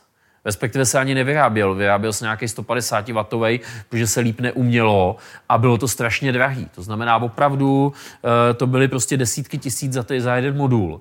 A co se stalo? Stalo se to, že se objevila poptávka díky dotacím, díky tomu, že prostě všichni to začali tlačit, tak najednou se objevila poptávka a v Číně někdo, eh, nevím teď kdo, ale nějaký chytrý človíček v Číně přišel na to, jak vyrobit eh, kilo křemíků místo za 500 dolarů za 50. A to bylo to, co nastartovalo boom. A to bylo to, co naši politici nezvládli zohlednit ve svých dotacích. A proto to tady takhle regulačně přešvihlo, proto prostě tady najednou nastartoval ten obrovský start a byly tady prostě ten obrovský růst těch elektráren v roce 2010, protože ta cena se takhle propadla a ten, eh, ta setevačnost té dotační politiky nedokázala tu vlnu odregulovat. Ono se to potom regulovalo, ono to zase není tak hrozný, jak se zdá, když si to namalujete do grafu, tak je to klasická, kdo z vás dělá trošku řízení, tak je to klasická regulační křivka, prostě s trošku větším překmitem, jo, který uh, v podstatě uh, se potom ureguloval a dneska se to dostalo do nějakého stavu, který je poměrně fotovoltaice příznivě nakloněný, kdy už si můžete, jak jste tam ostatně viděli u toho domečku, pořídit to i bez dotace protože se vám to v podstatě vyplatí, když se to tak vezme. Tak a to, o čem já budu mluvit na závěr v posledních pár minutách, eh, tak eh, s tím jakoby zdánlivě nesouvisí, ale eh, je to v podstatě něco, co se dneska objevuje jako takový buzzword, je to flexibilita. Eh, v podstatě eh, my dneska eh, začínáme zjišťovat, že v našem okolí se vyskytují nikoliv jenom čistě spotřebitelé nebo výrobci, ale něco, co se cizím slovem nazývá prosumer, což je vlastně kombinace toho konzumera a toho producenta. A to je vlastně takový domácí výrobce fotovoltaj- energie z fotovoltaiky třeba, kdy máte těch pár panelů na střeše a někam tu energii musíte dodat. Něco spotřebujete, něco dodáte jako přebytek do sítě. A e, samozřejmě tady myšlenka, a tahle ta myšlenka rezonuje napříč vlastně celou Evropskou unii e, z hlediska toho, jak tyhle ty přebytky využít. To znamená, jakým způsobem s nimi pracovat, jak to řídit. A e, dostává se to i do takových témat, jako je e, průmysl 4.0, jako je prostě inteligentní chytrý města, chytrý baráky a podobně. A tohle to všechno jde nějakým způsobem dohromady. Já jsem si tady e, snažil sestavit nějakou definici té flexibility v češtině, tak aby to bylo rozumný. Zkusil jsem nejdřív Wikipedii, tam mi bohužel jako na flexibilitu tady nabídla hadí ženu, flexibilitu v povolání nebo pružnost jako obecný překlad. Takže mi z toho vzniklo to, co je nahoře, což je vlastně schopnost toho prosumera reagovat, eh, regulovat své chování vůči distribuční síti s ohledem na konsenzus mezi vlastními zájmama a potřebama té sítě. Přeloženo to znamená to, eh, že vlastně eh, já budu mít tu elektrárnu a když budu tu energii potřebovat já, tak si ji spotřebuju, když ji budu mít hodně, tak ji někomu nabídnu a ten někdo bude vědět, co s ní může udělat, ale bude se mě snažit nemoc omezovat. Eh, tohle je strašně důležitý, protože samozřejmě eh, člověk se strašně nerad omezuje. Eh, to znamená, že samozřejmě některé potřeby prostě dnešní moderní člověk není schopen odložit. Když vám prostě řeknu, že se máte vykoupat, až bude svítit sluníčko, tak si budete všichni klepat na čelo, co to tady to prase doporučuje, nebo co prostě to je, jo. Já to chci teď hned. To samý pračka, všechno prostě člověk dnešní moderní společnosti to chce hned. Eh, tam je trošičku rozdíl proti eh, vlastně využitím obnovitelných zdrojů, eh, třeba v takzvaných zemích třetího světa, kde zkrátka ty lidi si počkají, než to sluníčko vyjde, načerpají tu vodu pomocí toho fotovoltaického panelu spojeného s nějakým jednoduchým čerpadlem a víceméně nikam nespěchají. U nás prostě teď to musí fungovat a když teď neteče teplá voda, je něco špatně a já budu strašně nespokojený, budu hledat náhradní řešení, budu odcházet prostě. Takže ta psychologie, já ji tady mám na prvním místě, protože s tou je potřeba počítat. A pokud chci nutit lidi, aby se mi chovali uh, vůči síti uh, jaksi zodpovědně, tak to musím dělat tak, aby se jich to co nejméně dotklo. Tomu e, subjektu, e, který by se tímhle měl zabývat, e, se říká agregátor a ten agregátor potřebuje tu regulační energii. To znamená, představte si agregátor jako nějakou firmu nebo společnost, združení, který vlastně jeho cílem je Eh, stabilizovat, eh, respektive prodávat stabilizační energii pro rozvodnou soustavu. To znamená, když v Německu fouká eh, a je hodně elektrické energie, tak ten agregátor by měl tu energii spotřebovávat. To znamená jeho lidi, který řídí, to znamená ty domečky, elektrárny, jednotlivý spotřebiče, který na dálku řídí, tak by měli tu energii spotřebovávat. V okamžiku, kdy ty energie je nedostatek, tak by ji ideálně měli vyrábět nebo by měli svoji spotřebu omezit. Vy to trošku znáte v podobě HDO, to znamená hromadného ovládání, dálkového ovládání boilerů, kdy vám boiler zapne jenom na určitou dobu, kdy vám hřeje, já nevím, večer a podobně, kdy jsou menší nároky na soustavu. Tohle je takový trošičku víc rozšířený a e, spočívá to v tom, že si můžete od různých firm, já nevím, u nás, co vím, tak v České republice třeba Nanoenergy si můžete od nich prostě objednat, udělat si tuhle tu smlouvu, dostanete nějakou krabičku, kterou připojíte před svůj boiler a oni vám na dálku řídějí, kdy ten boiler nabíjíte, kdy, kdy ne, tak aby mohli získávat tu energii. A ta myšlenka je ta, že když tohle bude hodně, tak ten agregátor se v podstatě bude chovat úplně stejně jako ty dlouhé stráně. On sice zapne třeba tisíc malých boilerů, nebo naopak je vypne a tím získá tu energii, kterou by jinak jste získali tím, že eh, pustíte turbínu u dlouhých strání. Já doufám, že to takhle je eh, jasný, o co asi jde. Jde v podstatě nový přístup k sítím. Eh, dřív to bylo o tom, že vlastně ČEPS jako hlavní regulátor někde tu energii nakoupil, požádal nějakou elektrárnu, když bylo té energie nedostatek, aby se pustila třeba ty dlouhé stráně.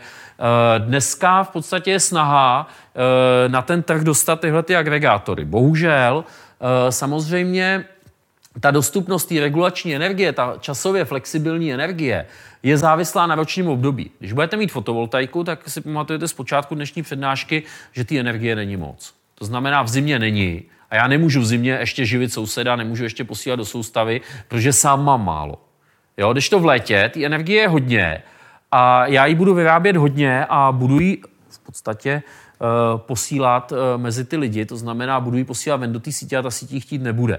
Takže tady je trošičku problém ta závislost na ročním období, na denní době, eh, na urbanistické struktuře té dané oblasti, protože samozřejmě jinak se to bude regulovat v Praze v centru, kde těch fotovoltaik asi moc není. Jinak to bude v nějaké oblasti, v podstatě v okrajový, kde bude každý domeček eh, v tom sídlišti to bude mít prostě pár panelů na střeše, eh, jinak to bude v horách a tak dále. To znamená, že záleží na tom, co mám k dispozici v dané oblasti a samozřejmě na výhodnosti té nabídky, to znamená, jak moc dokážu těm lidem přidat. E, to znamená, já si můžu mít třeba takovou dohodu, že řeknu, vy si ode mě necháte řídit boiler a já vám zlevním kilowattu o, a teď bude nějaká zajímavá částka pro vás. Jak je to s možnostma? E, možnosti samozřejmě v domácnostech e, na tuhle tu flexibilitu, to znamená na to řízení té spotřeby, nejsou velký. E, proč? Protože v moderním bytě není možné instalovat fotovoltaiku. To na balkon to moc dobře nejde, byť tady takový lidi taky jsou, když si projedete internet, zjistíte, že pár balkonových elektráren existuje, ale to jsou vyloženě nadšenci a e, jako dělají pro to hodně, protože to šířej tu osvětu a tak dále, ale rozhodně se s tím nedá počítat. E, baterie to samý. V podstatě dávat si baterii do paneláku nebo do e, bytové jednotky není úplně to nejlepší, ať už z hlediska bezpečnosti, tak z hlediska vůbec nějakého využití. Eh, tepelní čerpadla už vůbec ne. Eh, příprava teplý užitkové vody je většinou dálková a nebo centrální v rámci třeba nějaké skupiny eh, bytů a podobně, takže tam taky není moc místa a topení je taky dálkový nebo centrální. Z toho plyne, že na tu flexibilitu by vám zbyla myčka a pračka. A k tomu se ještě, myslím, dostanu. Možnosti rodinných domků jsou daleko větší, protože eh, většina rodinných domků dneska je stavěná jako nezávislá. Eh, to znamená, že musí mít vlastní přípravu teplé užitkové vody, takže máte nějaký boiler nebo kotel na plyn nebo něco podobného. Eh, topení, dost často tepelní čerpadla, takže je topení založený na elektrické energii. Fotovoltaický systém na střeše bývá už dneska běžným, běžnou výbavou takového domku.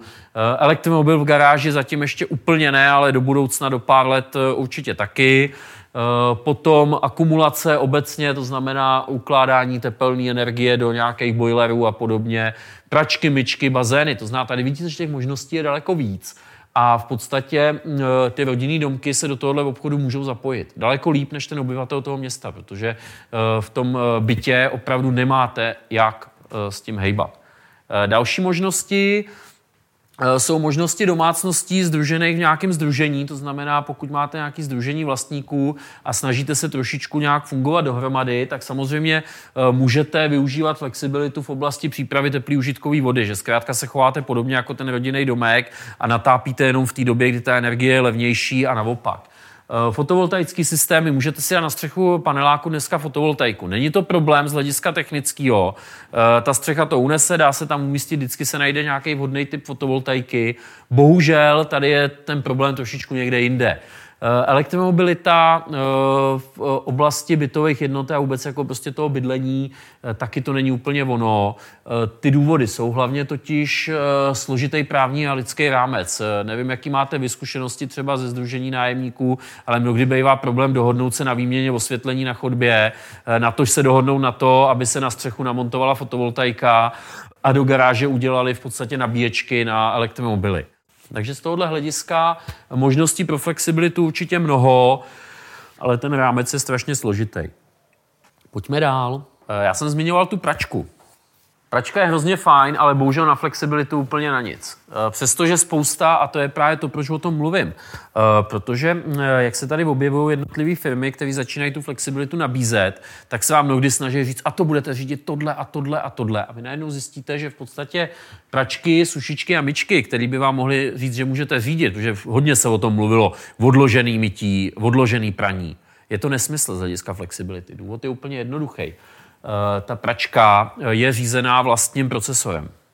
To znamená, že vy tu pračku, když ji jednou zapnete, tak musí tři hodiny tu energii odebírat. A když vám mezi tím zajde sluníčko, tak vám je z hlediska flexibility úplně na nic.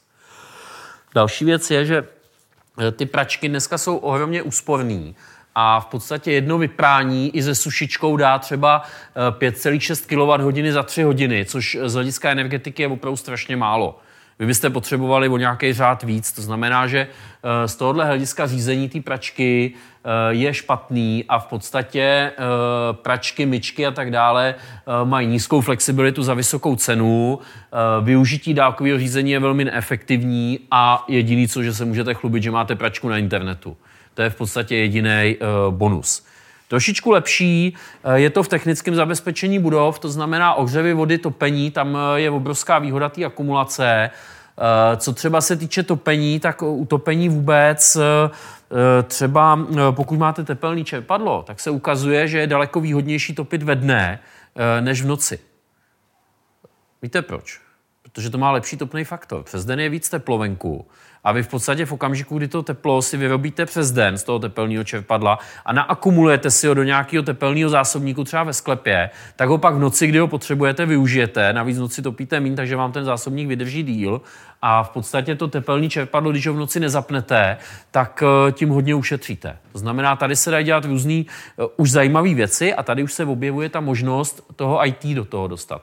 Už tady se do toho dá něco dostat trošičku. Uh, rekuperace ne, Rekuperace pracuje se strašně malýma energetickými tokama, to znamená tam spíše ta úspora z té vlastní rekuperace, než to, že bych ji nějakým způsobem řízeně zapínal, vypínal eh, na dálku, eh, tam ne. Ale to topení je velice zajímavý. Ohřev užitkové vody je naprosto skvělý, protože eh, já nemusím se chovat jako to HDO, já se můžu chovat ještě daleko, bych řekl, flexibilnějc a já můžu ten boiler zapínat třeba na 20 minut, pak ho na půl hodiny vypnout, pak ho zase na 10 minut zapnout, pak ho na půl hodiny vypnout. A když mi nějaký počítač to tak, abych tu teplou vodu měl v ten okamžik, kdy ji potřebuju, tak já vlastně můžu to, nám to teplo dodávat po malých časových okamžicích. A to je krásný nástroj na dálkový řízení na flexibilitu. Takže tam je to naprosto skvělý. E, ta flexibilita toho boileru je i poměrně velká, protože e, mám k dispozici 2 kW, 2 kW za hodinu skoro u běžného malého boileru, takže to už je docela dost. Eh, ten profil té spotřeby samozřejmě vždycky bude záviset na tom, kdy tu vodu potřebuju. Bezvadně se to dá elektronicky řídit, je to jenom odpor, takže nastartovat v podstatě boiler je jednoduchý. Tady eh, naprostý luxus z hlediska IoT. Eh, zajímavý je topení. Topení v podstatě z hlediska systému, pokud je to akumulační systém, tak je to podobný jako boilery. Ale jestli pak víte, jakou má výhodu topení z hlediska IoT, z hlediska uh, interakce člověka s tím počítačem, který řídí ten dům, je to hrozně sexy. Jo? Je to o tom, že v podstatě každý si chce točit tím termostatem, jo? nastavovat si ty profily a bude si s tím hrát. Uh, kdežto u té vody to nikoho nezajímá. Voda je prostě o tom, že otočím kohoutkem a teče tepla. Utopení začnu a teď bych chtěl a na noc to chci takhle. A teď se hádám prostě s partnerkou, že ona to chce takhle, jo, a uh, už je tam prostě, jo, je tam ta interakce, navíc se vyrábí pěkný termostaty, jo, a podobně, to zná, tam najednou je vidět, že tady je obrovský potenciál z hlediska té tepelné pohody a tohle, uh, jak tam uh, vlastně proniknout do těch domácností s tím letím, uh, já nevím, domácnost 4.0, nebo jak tomu chcete říct, chytrá domácnost třeba. Já samozřejmě můžu řídit i další věci. Já můžu řídit fotovoltaiku, Tam sice výroba závisí na počasí, ale fotovoltaika má jeden obrovské, jednu obrovskou výhodu proti tepelnému kolektoru. Jde vypnout. To je výhoda, kterou si málo kdo uvědomuje. Já si můžu dovolit u fotovoltaiky to, že otočím vypínačem třeba v poledne a ono to přestane vyrábět. Což může být důležitý. Bavili jsme se tu o záporní ceně na trhu energie. Takže já, když tu fotovoltaiku vypnu, tak se může stát dokonce to, že získám eh, bonus, protože tu energii odčerpám ze rozvodní sítě a dostanu za ní zaplaceno. Jo, takže to, že můžu fotovoltaiku, já vím, že to zní trošku eh, jako jo, takhle, ale eh, je to tak. Eh, je to o tom, že vlastně tady s tím můžu pracovat. Samozřejmě, pokud to budu zase nějak dispečersky řídit, musím nastavit pravidla, aby to nebylo o tom, že někomu to vypnu na celý den a někomu na 10 minut a on pak vydělá víc a podobně. Jo? Ale uh, můžu řídit a na rozdíl od tepelných systémů, protože tepelný kolektor já nemůžu v letě vypnout. Ten musím furt chladit, jinak se mi vyvaří. Uh, takže tady uh, velká výhoda. Bateriové systémy, z hlediska dneška eh, v podstatě eh, primárně jsou určený pro regulaci vlastního objektu. Eh, ty baterky jsou ještě pořád dost drahé na to, abyste si kupovali baterku, protože budete pomáhat sousedům. To prostě nikdo není jako autovista, aby pomáhal sousedům, protože se mu to zatím nevyplatí nevydělá na tom. Jo? Takže si pořídí baterii, která je přesně nadimenzovaná na jeho rodinný domek, na velikost v podstatě jeho spotřeby, na velikost jeho výroby a ta flexibilita tam nezůstává, protože on si ji spotřebuje sám v rámci své domácnosti. Takže tam eh, z hlediska vnější flexibility nic moc, ale zase mohli bychom to dispečersky řídit, mohli bychom s tím nějakým způsobem fungovat. Elektromobilita, eh, velký příkony po dobu řádeu jednotek hodin, eh, v některých případech by se dalo to nabíjení odložit, to znamená, uh, asi by se lidi dali přesvědčit k tomu, že přijedou domů z práce s vybitým elektromobilem, dají ho do garáže a uh, někde tomu systému sdělej, že chtějí až v 6 ráno a on nezačne nabíjet hned uh, v 8 večer, ale začne nabíjet třeba až uh, někdy o půlnoci, kdy ta energie je levnější a podobně. Tam se to dá trošičku uh, uchopit. Uh, ta možnost, o které se tady hodně mluví, to znamená využití uh, té baterie elektromobilu pro stabilizaci té vlastní domácnosti, to znamená připojit ten elektromobil do sítě a zase z něj tu energii zpátky odebírat, eh, ta je relativně nereálná. Eh, ona je nereálná z toho hlediska, že to má vysokou cenu. Ty baterie, které jsou v tom elektromobilu, mají omezený počet cyklů a e, z hlediska ceny ty baterie jsou dražší než ty do těch uložišť. To znamená, že si vojíždíte něco, co má daleko větší e, v podstatě e, cenu a máte tam větší ztráty, takže z tohohle hlediska, přestože zase spousta studií s tím počítá, spousta studií je takové, že si představují, že ten elektromobil se zaparkuje někde v garáži a bude fungovat jako veřejná baterka. Není to úplně pravda, že by k tomuhle byl ekonomický důvod. Tak, když to nějakým způsobem schrnu, tak eh, ten prosumer, to znamená ten človíček, který dneska má ten moderní rodinný domek s fotovoltaikou, s nějakou generační jednotkou a podobně, není v současnosti motivovaný pomáhat tomu agregátorovi tak, jak si ty agregátoři představují, že by měl být. To znamená, pokud byste chtěli podnikat v agregaci, tak si na to dejte pozor, eh, nebude tak velký zájem eh, z řad těch drobných prosumů. Samozřejmě z hlediska velkých firm, to znamená to obchodování s tou flexibilitou na firmní úrovni, tam se dá hodně s tím pracovat, protože továrna třeba přes víkend nevyrábí, může poskytnout svoje energetické rezervy, zbytku a podobně. Tam se s tím dá dělat daleko líp. Eh, to zvýšení motivace samozřejmě bude možný, ale muselo by to stát daleko víc peněz, museli byste dostat daleko víc za tu hodinu a to zase nebude sedět úplně ekonomicky. Uh, Samozřejmě současně je potřeba vytvářet uh, uh, nějakou platformu uh, IT, která umožní tyhle ty obchody, která umožní ty výměny. Uh, mluví se tady o systémech, které budou fungovat na principu blockchainu, podobně jako funguje Bitcoin. To znamená, že se bude do nějaký společné databáze v podstatě účtovat ta energie. To znamená, vy tam dáte to, co jste vyrobili, co jste odebrali, bude tam prostě nějaký takovýhle systém. Uh, Tohle to všechno je asi to, co nás čeká v energii do budoucnosti. Takže kdybych to měl úplně schrnout, tak eh, v podstatě, co se týče baterií, tak se teď nic nestane. Eh, budeme postupně vyvíjet dál litiové baterie, budeme je vylepšovat. Eh, jsme tam v té rovince, to znamená, baterie litiové se budou objevovat v elektromobilech, budou se objevovat velké úložiště. Vlastně ke konci roku se tady v České republice postavili dvě megawatt to vím a asi 1,2 MW hodiny uložiště. Jedno stavil Solar Global na Moravě, jedno stavil E.ON dole v Mydlovarech. Obě ty uložiště v současné době jsou funkční, provozu schopný, bohužel nefungují, protože legislativa neumožňuje používat na regulační energii, takže tam trošičku jsme zaspali e, jako stát. E, potom e, v podstatě, co se týče nějaký flexibility, tak se bude čekat na to, až se nějakým způsobem to rozšíří mezi lidi, udělá se nějaká platforma a to je asi to, kam budeme směřovat. To znamená, rozhodně nepočítejte s tím, že v příštích pár letech, aspoň v České republice, bychom nějak masivně přecházeli na jiný typ energetiky. Bude to spíš takový pozvolný přechod, který už se méně či více daří. Eh, ode mě je to všechno. Já samozřejmě teď jsem vám k dispozici na diskuzi. Eh, mám tady slajdík s nějakým kontaktem, eh, to znamená, kdybyste cokoliv potřebovali do budoucna, je tady mailová adresa, jsou tady webovky na naší laboratoř, která se zabývá diagnostikou těch fotovoltaických systémů, diagnostikou baterií a tak dále. Neváhejte se zeptat, případně si můžete přijít popovídat i do Davids. Takový ty jednoduchý, krátký konzultace řešíme, jak já říkám, zadaně, protože jsme jsme škola a e, v podstatě jsme rádi, když lidi mají o to zájem a e, i jako laboratoř máme zkušenost, že tenhle ten přístup e, se nám vyplatil. Takže já vám děkuji za pozornost a samozřejmě můžeme diskutovat, můžeme diskutovat buď takhle z pódia, nebo můžu tady ještě chviličku počkat. Máte dotazy? Měl k těm panelům vlastně, když to tam nějak nakousnul, panely v Africe a tak, jak je to vlastně s, s s tou efektivitou a teplotou. Mm-hmm. Já jsem něco našel, ale jako nic, nějaký velký věci jsem nenašel a mě to zajímalo. Tak, eh, v podstatě, eh, když se budeme bavit o klasických panelech, tak eh, klasické panely nejlíp fungují u nás.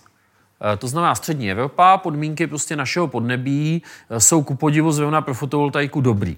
Směrem do Polska už je to špatně, tam už je méně těch eh, slunečních hodin, to znamená, eh, když se budu posouvat vlastně na té mapě směrem na sever, eh, tak se mi to už nevyplatí. Když se budu posouvat směrem na jih, sice stoupá počet hodin, ale taky stoupá teplota. A ten fotovoltaický modul má teplotní závislost, bohužel zápornou, to znamená, že ten výkon s teplotou klesá a u takového křemíkového modulu, toho klasického, je to asi 0,4% na každý stupeň. To znamená, když zvednete teplotu asi o 3 stupně, tak přijdete o 1% z toho výkonu, který by to mohlo vyrobit. A tohle to jde postupně až do té teploty někde těch 60 stupňů, eh, s tím, že eh, my při testování používáme takzvané standardní testovací podmínky, eh, což je 25 stupňů Celsia, sluníčko AM1,5, což je spektrum sluníčka pod nějakým úhlem asi 43 stupňů, který by dopadalo na Zem a je to takhle prostě udělané, že těch 25 tisíc W na metr to AM1,5, takže to je proto, aby se to dalo srovnávat. A to my umíme v té laboratoři vyrobit. Eh, to sluníčko si v té laboratoři vyrobíme jenom na velice krátkou dobu. Eh, v naší laboratoři konkrétně na 10 milisekund. Je to v podstatě velký fotografický blesk.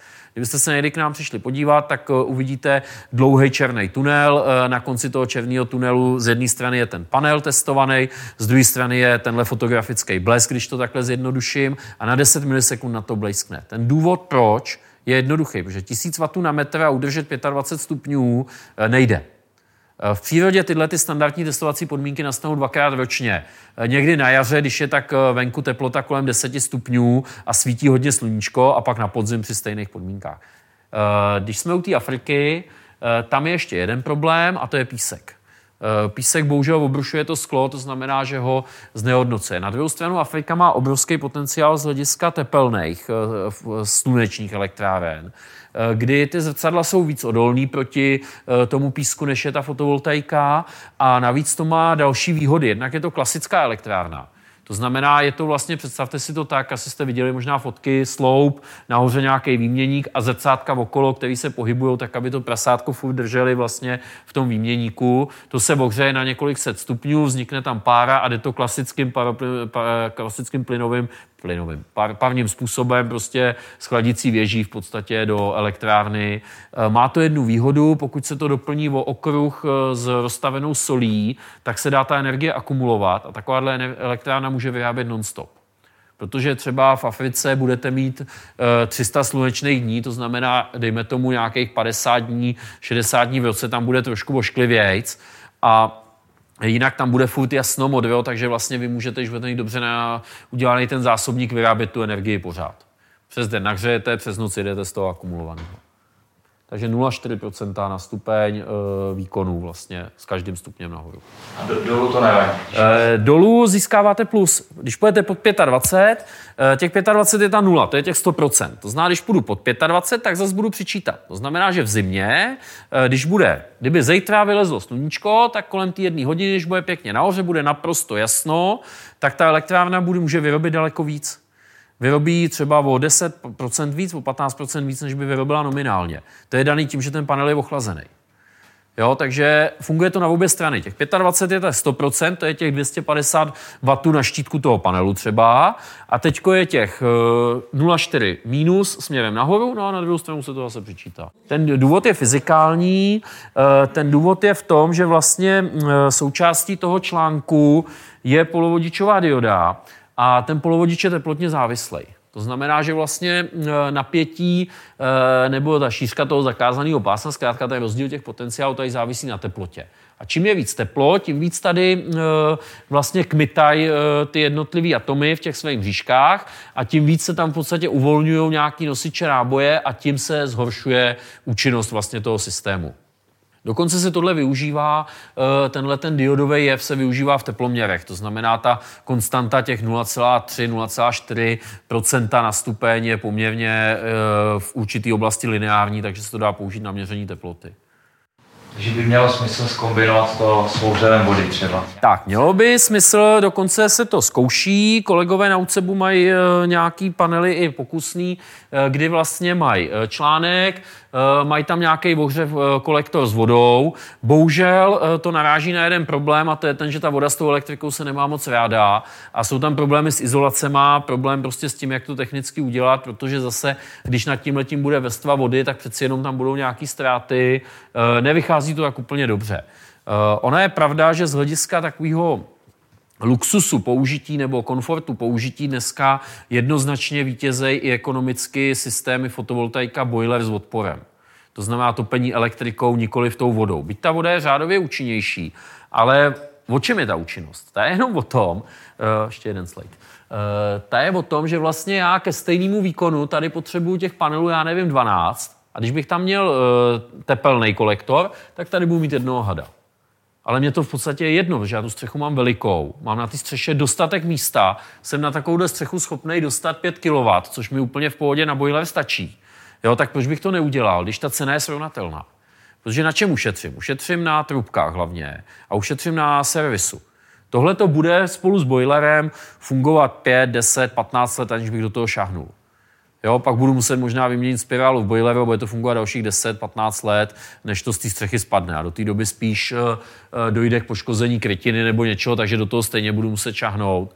Takže z tohohle hlediska dneska fotovoltaika vítězí a je pravda, že třeba eh, v dotačním programu Nová zelená úspora mm, loni v podstatě na celý čáře vyhrála poptávka právě po dotacích na fotovoltaiku v kombinaci s boilerem kdy se to dalo pořídit, já nevím, za 450 tisíc.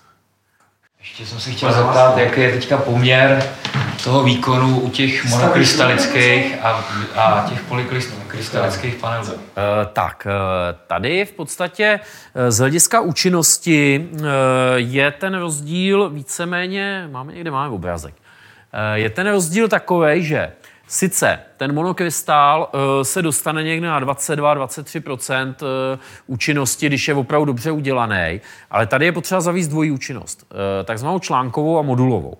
Článková účinnost je plocha článku a vstupuje nám prostě plocha článku. to do modulový vstupuje plocha modulu. A tady je ten okamžik, kdy tohle to má třeba o 2-3% horší účinnost, ale ono to dožene v tom modulu ten klasický článek Protože tohle je hranatý. Ten polykrystal nemá ty skosené rohy a díky tomu tam nejsou ty volné prostory, který potom v té modulové účinnosti, kdy počítám celý rám vlastně, eh, mi nějaký to malý procento té účinnosti schoděj.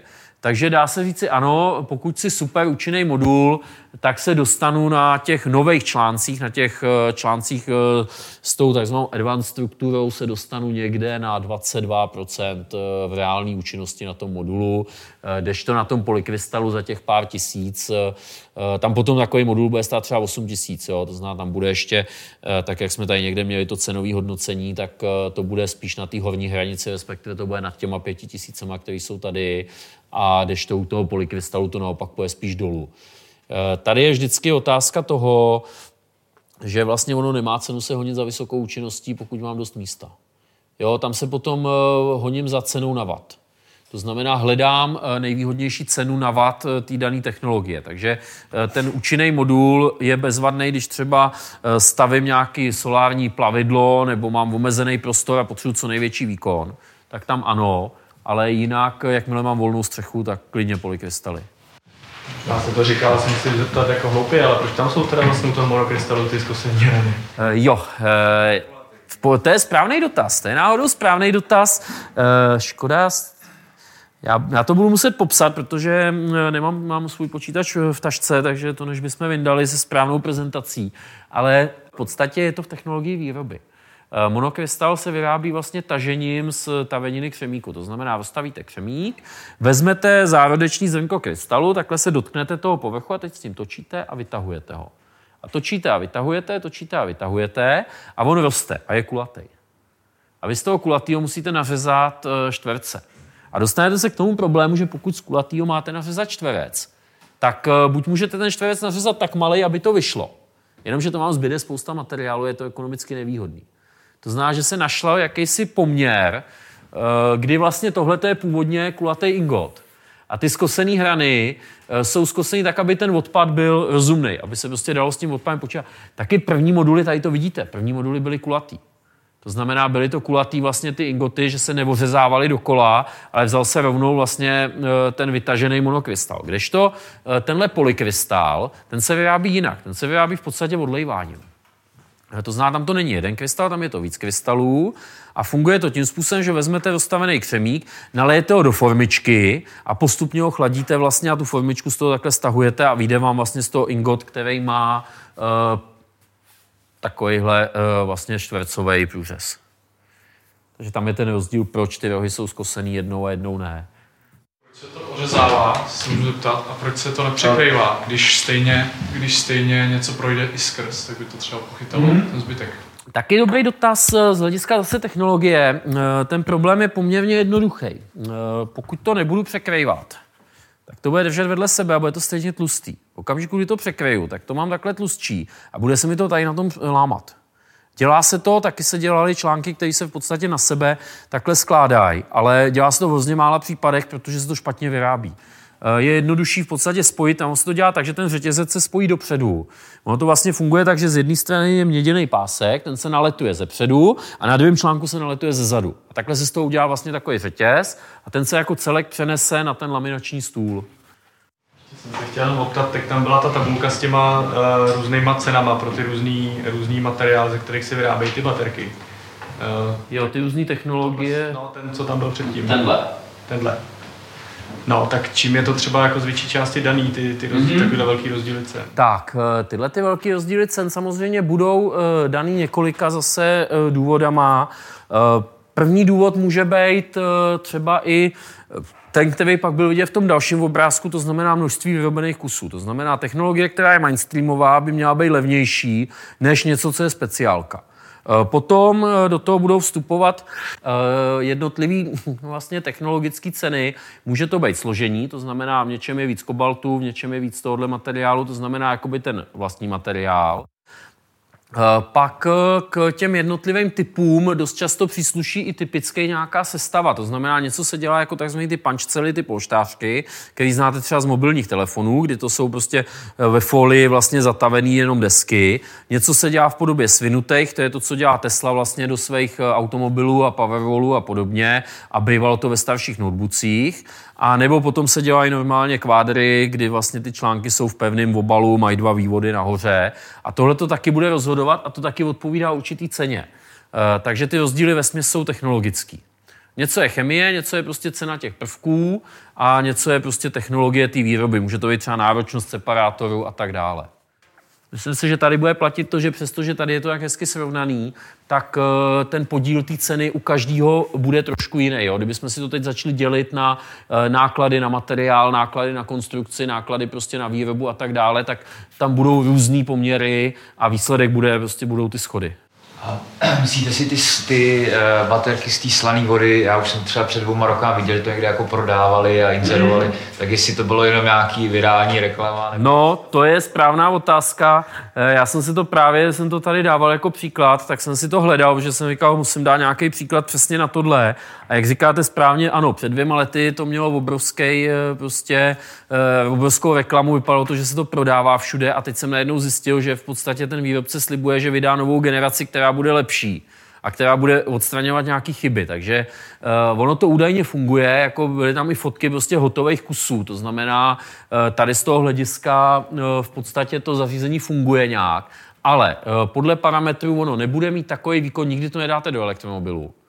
Bude se to do toho ukládat malýma proudama, bude to fungovat v podstatě pomalu, bych řekl. Jo? To znamená, že tady může být v podstatě i tohleto omezení na druhou stranu, tak jak je to tu prezentovaný, jak je to poměrně levný. Takže je možné, že se to někde odrazí. Jo. Já bych spíš řekl, že to je teď o tom, že eh, jak jste eh, někdo tady říkal, myslím, že to byl vy, s eh, tím maskem sleduje v podstatě, já nevím, 15 firm, kterým opravdu věří, že se to někam pohne, další skupina a tak dále, tak je jenom otázka, v které části tohle to je a kde si to najde to využití. Myslím si, že to je podobný případ v podstatě akorát v jiné fázi, jako je ta 3DA, to znamená, je tam nějaký vývoj, je tam nějaký marketing, který musí být kvůli tomu, aby se udrželi investoři. A teď je otázka, kde je ta pravda, kde je prostě ten skutečný technický stav té věci a jestli to skončí v té křivce tím tou dospělostí, tou hromadnou výrobou, anebo jestli to spadne někde z té křivky do zapomnění. A nebo se to třeba zase za 20 let objeví. Mně to přišlo jako dobrý nápad, zvlášť, že se to mm-hmm. dá jako paralelně zapojit a tak, jo. oproti těm olověným a chápu to mít to doma prostě někde ve sklepě. Víte co, je, víte, co je hlavní výhoda olova? Proč pořád ještě jsou olověné baterie vůbec? Co? E, taky, ale hlavně oni jsou docela ekologický. Ono se to nezdá, ale oni se bezvadně recyklují. To znamená, u olověné baterie není problém s recyklací, v podstatě žádný. Protože co to je? To kus umělých motiv, který je vevnitř olovo a nějaká další látka, většinou tam bývá ještě e, nějaký separátor, nějaká tkanina. Vy když tohle to vezmete, tak vlastně umělá hmota e, se krásně spálí, ta se dá v podstatě spálit nebo se dá z toho vyseparovat a použít na něco jiného. Takže první, co s tou baterií děláte, že vlastně ji hodíte na zem z velké vejšky na beton a ona se rozbije. Tím z ní vyteče kyselina, co jsem nevěděl, to jsem se dověděl teď, když jsem eh, se připravoval na jednu přednášku právě o recyklaci, že z té kyseliny se dělají třeba eh, čistící prostředky. To znamená, používá se to v podstatě jako nějaký tenzit potom do eh, výroby nějakého jaru nebo něčeho podobného. Takže tu kyselinu zlikvidujete tímhle způsobem. Zbyde vám rozkřeplej plastový obál a olovo. Ohromná výhoda. Jedno je lehký, dvě je těžký. Naprosto nejjednodušší způsob recyklace gravitační třídění. To znamená, zatřepete s tím, eh, jedno zůstane dole, druhý vyleze nahoru. Takhle to schrábnete, máte hromadu plastu, který můžete poslat zpátky do oběhu po tom, co ho vyčistíte od té kyseliny. Zbyde olovo, který přetavíte, vyčistíte hutnicky a použijete znova.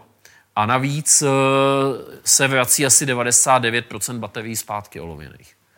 To znamená, že z hlediska, aspoň teda údaj za Evropskou unii, Jo, takže z hlediska recyklace prostě to olovo je pořád uh, jakoby nejlepší a proto proti němu nikdo moc nemá.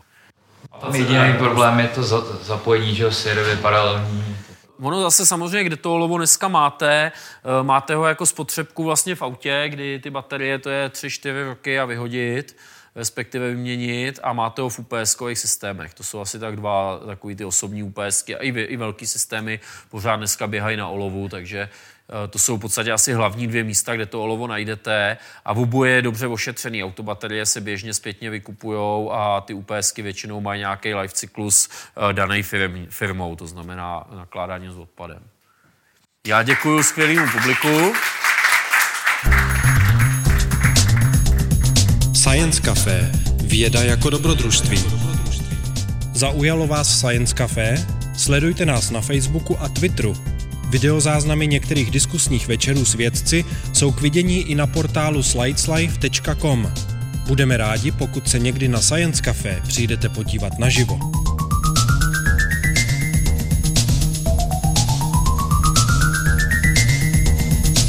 Generálním partnerem Science Café je nadační fond Neuron na podporu vědy. Hlavním partnerem je společnost Etnetera. Dalšími partnery jsou nakladatelství Akademia, Lucky Lab, portál Slides Life a časopis Vesmír.